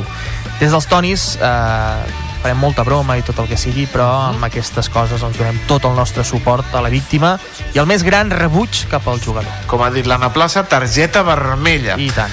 I fer-ho davant de tanta gent, a la vista de, de molts, vaja. Ep. Tenim trucades ja de, de direcció. No, no, no. No. Que, ah, ah. Fer-ho davant de la gent, a la vista de molts, ens ha fet pensar, i ha fet pensar alguns, que Hugo Mayo potser pateix la. Ursusagalamatofilia. Ara m'ha sortit. Una parafília que pateix la gent que s'excita veient a gent disfressada d'animals i que vol practicar sexe amb ells. Ara se li diuen furros. El, sí, el furros. efectivament, furros, efectivament. en el La món gent- d'internet. Els mil... Sí, sí. De la generació Z els hi diem, els diem furros. Furros. Sí. Sí. Les fílies... Teniu nom, teniu nom per tot, eh? Exacte, sí. I nosaltres ursusagalamatofilia. Nom de Pokémon. Toni, abraça la generació Z. Uh, les fílies fan referència a aquestes coses per les quals sentim gust dins de qualsevol àmbit de la nostra vida, és a dir, que no té per què estar íntimament relacionat amb la sexualitat. En l'altre costat trobem les parafílies, que són patrons de comportaments sexuals en el qual la font predominant de plaer no es troba en el coit, sinó en una altra activitat. El problema de les parafílies és que algunes d'elles són considerades un trastorn en produir malestar, mal o patiment a altres persones i per això sol existir un cert estigma o cert tabú cap a elles. Són les que ara s'anomenen filies sexuals. existeixen filies sexuals que, sempre que es practiquin amb consentiment, no fan mal a ningú. Avui us portem una llista de les més curioses, els noms més estranys i també algunes de les més comunes en la població. Ho farem de manera uh, alfabètica, així que comencem per la. Lactiràcia és l'excitació sexual produïda pels raigs del sol. Alerta. És Home, a dir, per l'exposició a la llum solar. Segur que més d'un opta per desplaçar-se a les platges espanyoles per poder gaudir d'aquest plaer. Doncs tenir plaer prenent el sol. Agal... Agalmatofília. Apa. Aquesta filia la tenen els qui senten desig sexual cap a representacions humanes inertes. És a dir, estàtues, els ninots o els maniquins. És a dir, que es posen davant d'un aparador del Zara i alerta amb això posen, o se'n van a un museu i pateixen a, a banda del, del, del síndrome de Stendhal pues, vés a saber museus o botigues de roba com hem dit, són llocs idonis per deixar volar la teva imaginació amb la agalmatofília Seguim amb l'amomàxia. És l'excitació sexual en mantenir relacions sexuals en un cotxe aparcat. És el vídeo, Hi ha el moltes vídeo aquell pers- de, de, sí. Aquell de Què deies-. Aquell, hi, havia, hi havia un vídeo de mi extraña adicción que és un dels Ah, programes sí, l'home que mítics de la tenia relacions amb el cotxe. Exacte. Amb el cotxe. sí. Però aquí Però- és però- dins d'un cotxe. Sí, en un dins, cotxe aparcat. val. No, amb el cotxe. Val, val. No, no, no, exacte, amb un cotxe aparcat. Hi ha moltes persones a les quals doncs, això els provoca plaer, el simple fet no, de trobar-se en un lloc on poden ser vistes per altres persones. Aquest risc, doncs, això, com dèiem, els provoca una excitació extra. La capnolàcnia. Ui. Mare meva. Capnolàcnia és els que tenen aquesta filia experimenten excitació amb el fum i amb la cendra provocada pel tabac. Uf, mare meva. Jo no sóc cap no làcnic. Ah, sí, o sigui, que si veuen un cendrer... Brrr, si fumes, potser et trobes... Eh, et, et vas trobar algun tipus de relació eh, d'aquest tipus al llarg de la teva vida. De la teva vida. Seguim amb la dendrofília. Es descriu com l'atracció sexual cap als arbres i a les plantes. Sí, és cert. Incloent-hi el seu ús també com a objectes sexuals. Per saber si t'agrada, doncs, eh, pots començar provant de tenir sexe en jardins o boscos. Eh, o abraçar un arbre. Ai, també. sí. Tenir-li El pitjor d'aquesta molta... secció... Perdona. Digues, Aleix. No, que el pitjor d'aquesta secció és que et fa volar la imaginació i no vols, no vols. És, és molt dur. La helicília. La helicília és l'excitació sexual pels teixits. Per exemple, uns llençols de seda, un sofà de vellut, tocar així... Ah, tocar la seda... Hi ha una infinitat de teles que poden ser gaudides per aquells que tenen aquesta filia, la helifília. I la cosa va de roba, perquè seguim amb una altra filia, en aquest cas la misofília, una filia que es refereix per l'atracció, atenció, per la roba bruta. Oh! El plaer no està tant a ficar-se al llit amb algú que usa roba sense rentar, sinó en el fet d'olorar i guardar roba bruta d'una altra persona sí. que conservi el seu olor. En fi. I es paga, eh? Es paguen molt per calces i, calços, i calçotets usats. Misofília. Anem amb la clastomania. Es tracta de l'excitació que produeix trencar la roba que vesteix la teva parella sexual. És a dir, fer-li un hulk a la inversa. Destripar la roba. El plaer està en despullar la parella destrossant les eh, seves peces. És molt de pel·lícula, això. Molt de pel·lícula. Molt de pel·lícula. Seguim amb l'espectrofília. Eh? Uh, és l'atracció sexual produïda per la imatge reflectida en un mirall. Normalment el plaer es produeix en realitzar pràctiques eròtiques davant d'aquest, podent mirar mentrestant el reflex. També se li diu narcisisme, això. No, sí, també, també, també. Narcisisme, espectrofília de... Mm, que bé que m'ho faig, que bé que ho faig. Formicofília. Aquí formico, formico... Ai, m'ho puc imaginar. És la- l'excitació sexual que tens quan certs insectes o animals petits es passegen per sobre dels teus genitals o per la, damunt dels genitals del nostre company. En fi. Uh, formigues, cucs, eh, si, ja, si ja t'atreveixes amb, amb serps, formicofília. Ah, Mira. Déu meu.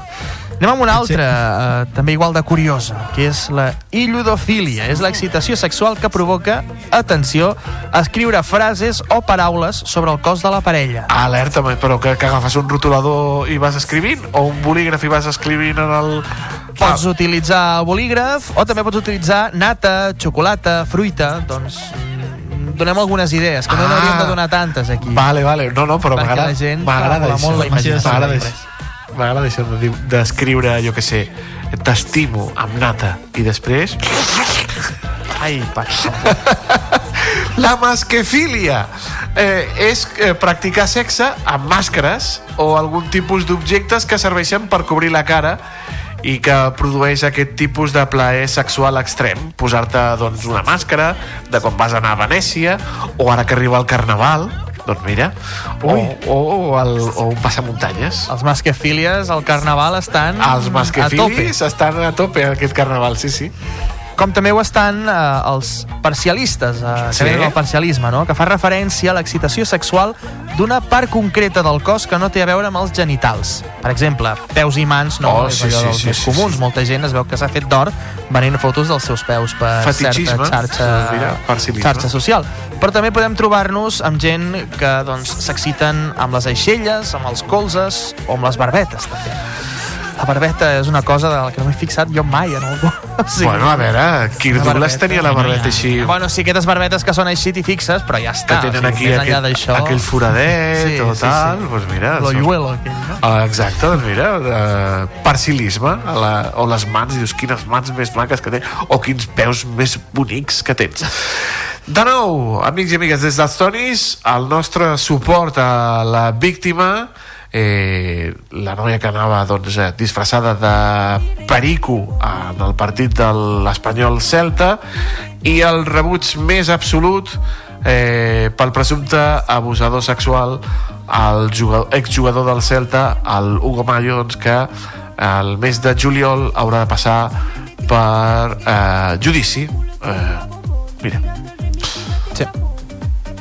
Què t'han semblat la llista de les fílies, parafílies sexuals? Aleix? A veure, n'hi ha alguns que més o menys te'ls puc arribar a comprar, n'hi ha d'altres que dius, home, Em, eh, o sigui, tinc dubtes de que trobis algú que també estigui d'acord en, en, o sigui, que coincidissis amb, amb la filia que, que, que tens, però bueno si, si trobes algú que, que sigui consentit i que l'exciti el mateix que tu, doncs endavant, no?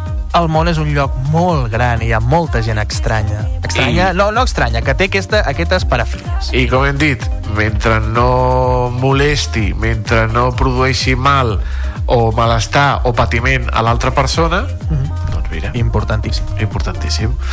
Antonio Mellado, no, és un, Mateu. no, és, no és un patiment, és un plaer. Sí, és uh, Toni Fílic. Toni Fílic. som- Hosti, t'imagines? La gent que s'exciti d'escoltar-nos? Home, a veure, excitar-se en el sentit de que li agrada escoltar que gaudeix. I tant, i tant. En fi, I tant, Antoni. anem-ho a recollir aquí. Toni Mateos, Aleix, ens veiem el divendres. Gràcies, Antonio. Vagi molt bé. Vagi Adéu. Adéu, adéu. que te llega a Nueva York, cae la noche, nos vamos para el club. Llego de una, me habló. Les realitats del Camp de Tarragona a Carrer Major.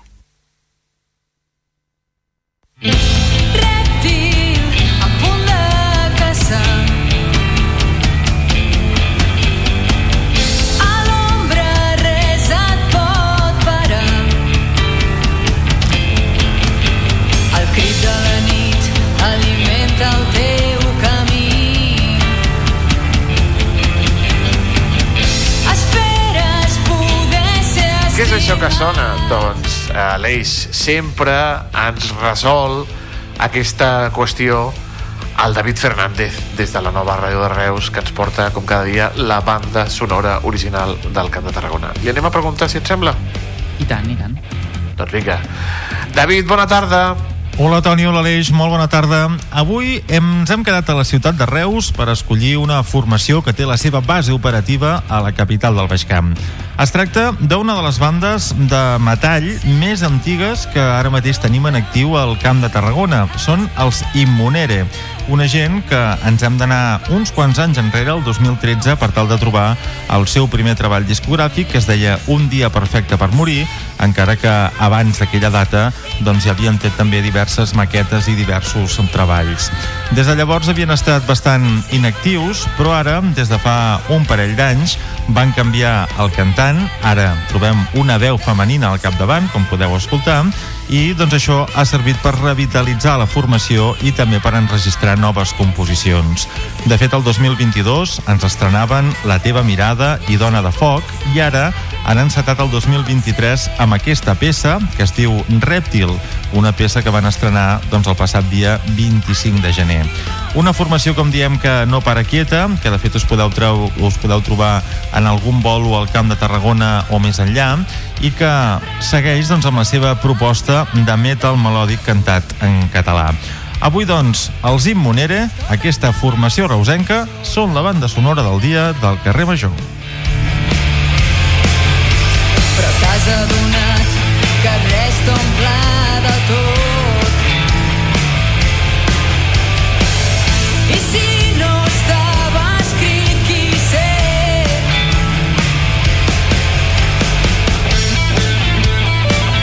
Doncs mira, eh, una banda sonora molt heavy, molt de rock dur, eh, metal que ens porta el David Fernández, que enllacem amb la furgoneta del carrer Major, que cada dia ens porta una dona també dura, una amant del metall, com és la Mà de ferro, no? Mà de ferro, sí. La Cristina Artacho, que es fa un far de pujar i baixar la furgoneta i avui, doncs, me sembla que es queda per la ciutat de Tarragona. Anem a parlar amb ella. Cristina Artacho, molt bona tarda. Bona tarda, companys. Avui un dia més a la furgo, com cada dia, com ha de ser, i des del Palau de Congressos de Tarragona, on s'estan celebrant unes jornades que posen el focus en l'accessibilitat en el patrimoni. Unes jornades que coorganitzen l'Ajuntament de Tarragona juntament amb el grup de ciutats Patrimoni de la Humanitat d'Espanya. Per parlar-nos detalladament una miqueta de com estan funcionant les jornades i de quins projectes té Tarragona per unir l'accessibilitat al patrimoni, ens acompanya el conseller de Patrimoni de l'Ajuntament de Tarragona, eh, Nacho García. Molt bona tarda, Nacho. Hola, molt bona tarda. Primer dia de la jornada, que també s'allargarà durant el dia de demà. No sé si ens pot valorar una miqueta com està anant i quines són les sensacions, quin és eh, l'ambient? Bé, doncs una primera jornada que ha estat molt intensa. Eh? Hem començat a les 9.30 amb la inauguració, hem fet el dinar i encara doncs, continuen aquestes jornades que, que s'allargaran fins, a, fins a gairebé la, la nit i una valoració molt positiva. Jo crec que, doncs, que Tarragona organitza aquestes jornades en el marc del grup Ciudades Patrimoni, que vinguin companys i companyes, no només regidors, sinó també tècnics de la resta de ciutats patrimoni d'Espanya, doncs sempre, sempre és un honor com a ciutat patrimoni que és Tarragona, doncs de rebre'ls i de, de donar-los la possibilitat de conèixer la ciutat i també de formar-nos com a, com a regidors que, i regidores que som doncs, en un tema tan, tan complex i tan difícil com és l'accessibilitat en els monuments. No? Unes jornades que també han arrencat amb aquestes inscripcions completes. Sí, eh, un centenar aproximadament, més d'un centenar de persones, entre gent que ha vingut de les ciutats patrimoni, que tenim representants de totes les, les ciutats patrimoni de la humanitat d'Espanya, de, també tècnics municipals i membres de la societat en general, societat civil tarragonina, qui també els hi van fer arribar la, la inscripció. Abans de posar el focus en aquests projectes eh, d'accessibilitat en el patrimoni aquí a la ciutat de Tarragona, també m'agradaria saber què ens espera de, de cara a demà aquest segon i últim dia de, de jornades. Demà serà un dia de mig matí, bueno, de migdia només, fins a l'hora de, de dinar, perquè hi ha molts companys i companyes que han d'agafar aves i, i avions o cotxes per tornar al a les seves ciutats, per tant, demà acabarem a, a migdia, però demà serà un dia també intens, un matí intens, amb, amb diferents jornades, tenim doncs, eh, amb diferents eh, ponències, perdó, tenim la ponència sobre eh, noves tecnologies en els monuments, que farà la directora del Museu Nacional Arqueològic, la, la Mònica Borrell, també tenim d'altres d'accessibilitat en els museus, o sigui que tenim demà matí complet també. I ara sí, de quina manera està treballant Tarragona per introduir aquesta accessibilitat i fer que els monuments i tot el patrimoni en general pugui gaudir-lo tothom? Mira, aquest matí a la, a la inauguració, el Llago, que és el company de, de Santiago de Compostela i que fa de representant doncs, aquesta comissió de d'accessibilitat i de patrimoni, no? Uh, deia un tema, ell és, ell és regidor d'urbanisme i de patrimoni històric a la seva ciutat com ho soc jo i a vegades et trobes que encaixar l'urbanisme, l'accessibilitat que et marca les lleis amb el patrimoni que té molts anys d'història i que evidentment no el podem tocar i no el podem canviar com podríem canviar un carrer doncs és, és molt, molt, molt, molt complex no? és cert que Tarragona hi està treballant i jo crec que el projecte del Fòrum de la Colònia que està finançat precisament amb uns Next Generation que ens van otorgar per ser ciutat eh, patrimoni de la humanitat doncs serà una primera peça que, que farà doncs, que aquest monument sigui accessible serà aquesta primera peça no? per anar treballant en la resta de, de monuments de la ciutat.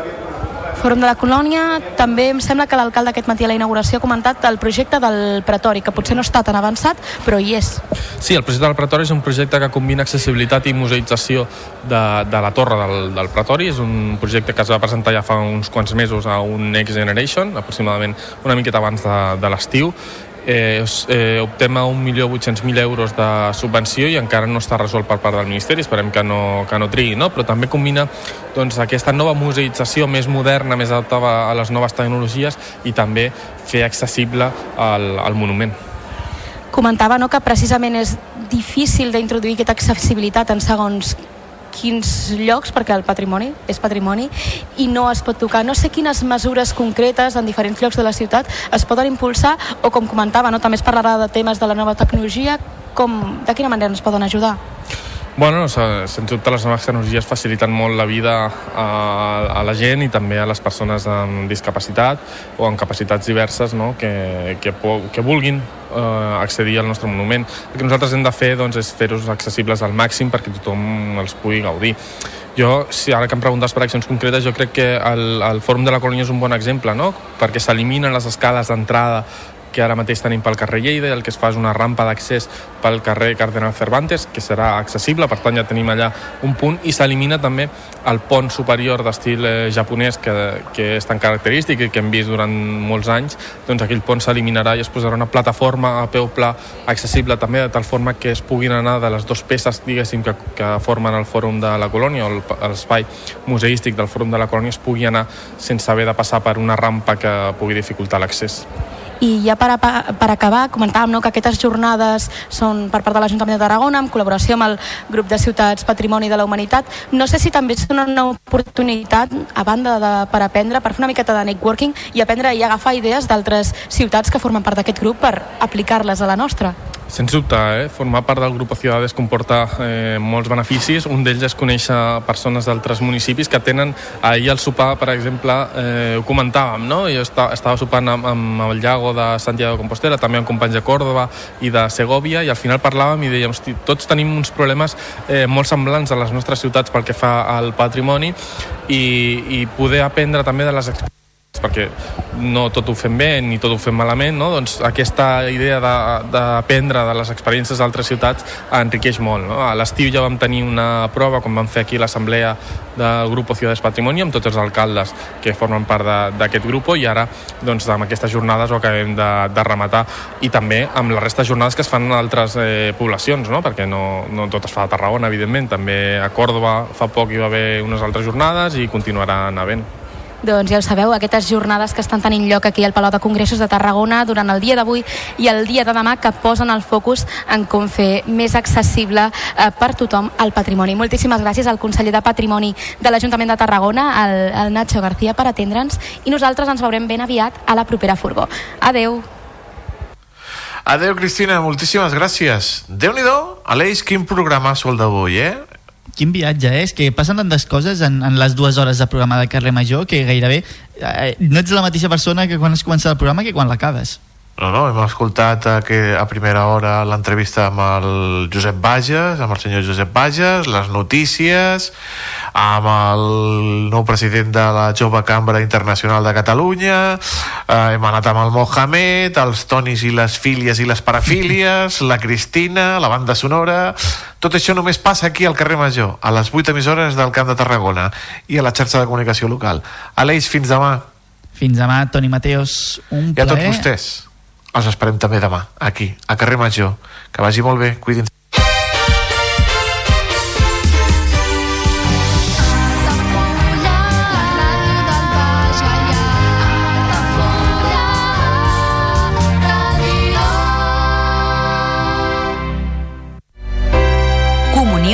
2024. Dates ja disponibles amb sales privades, jardí, pàrquing privat i la millor gastronomia. Més informació i reserves al 977 65 11 55 i a comercial arroba altafullamarotel.com o al web altafullamarotel.com. Les teves celebracions familiars a l'Altafulla Mar Hotel. Ja coneixes les propostes que t'ofereix el Club Marítim Altafulla? Vine i descobreix totes les nostres activitats. Sortides en caiac o pa del surf, cursos de vela per a totes les edats. No t'ho perdis. Club Marítim Altafulla. Obert tot l'any i per a tothom. Carrer Major, el programa de les emissores del Camp de Tarragona. Cada dia de 4 a 6 de la tarda, el que passa al Camp de Tarragona t'ho expliquem amb la major redacció d'un programa de territori quilòmetre zero. Periodisme de proximitat, continguts de qualitat, amb Anna Plaza i Toni Mateos. Carrer Major. La pilota torna a rodar i el centre d'Esports Altafulla jugar una temporada més a Altafulla Ràdio. Els groc i negre reben el filial de la Unió Esportiva Baix en el primer partit de la segona volta al Joan Pijuan per intentar fer bo el punt obtingut a Baimoi amb la cinquena plaça a l'horitzó. Aquest dissabte a partir de les 5 de la tarda segueix el partit en directe a través del 107.4 de la freqüència modulada, al web 3 w altafullaradio.cat, l'aplicació per a dispositius mòbils o la televisió digital terrestre. El futbol més modest sona a Altafulla Ràdio.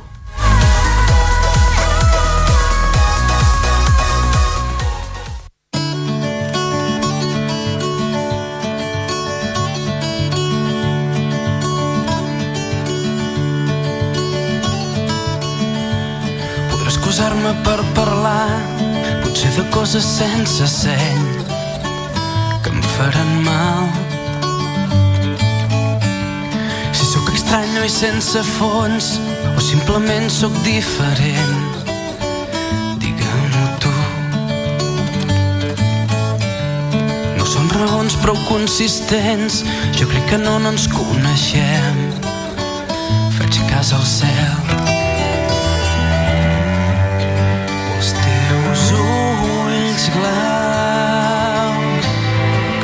Pensar com sortiré de la foscor.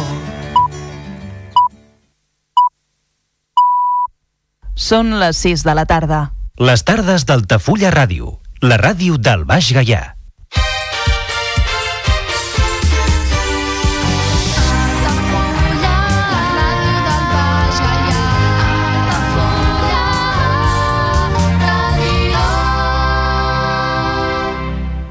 Altafulla Ràdio.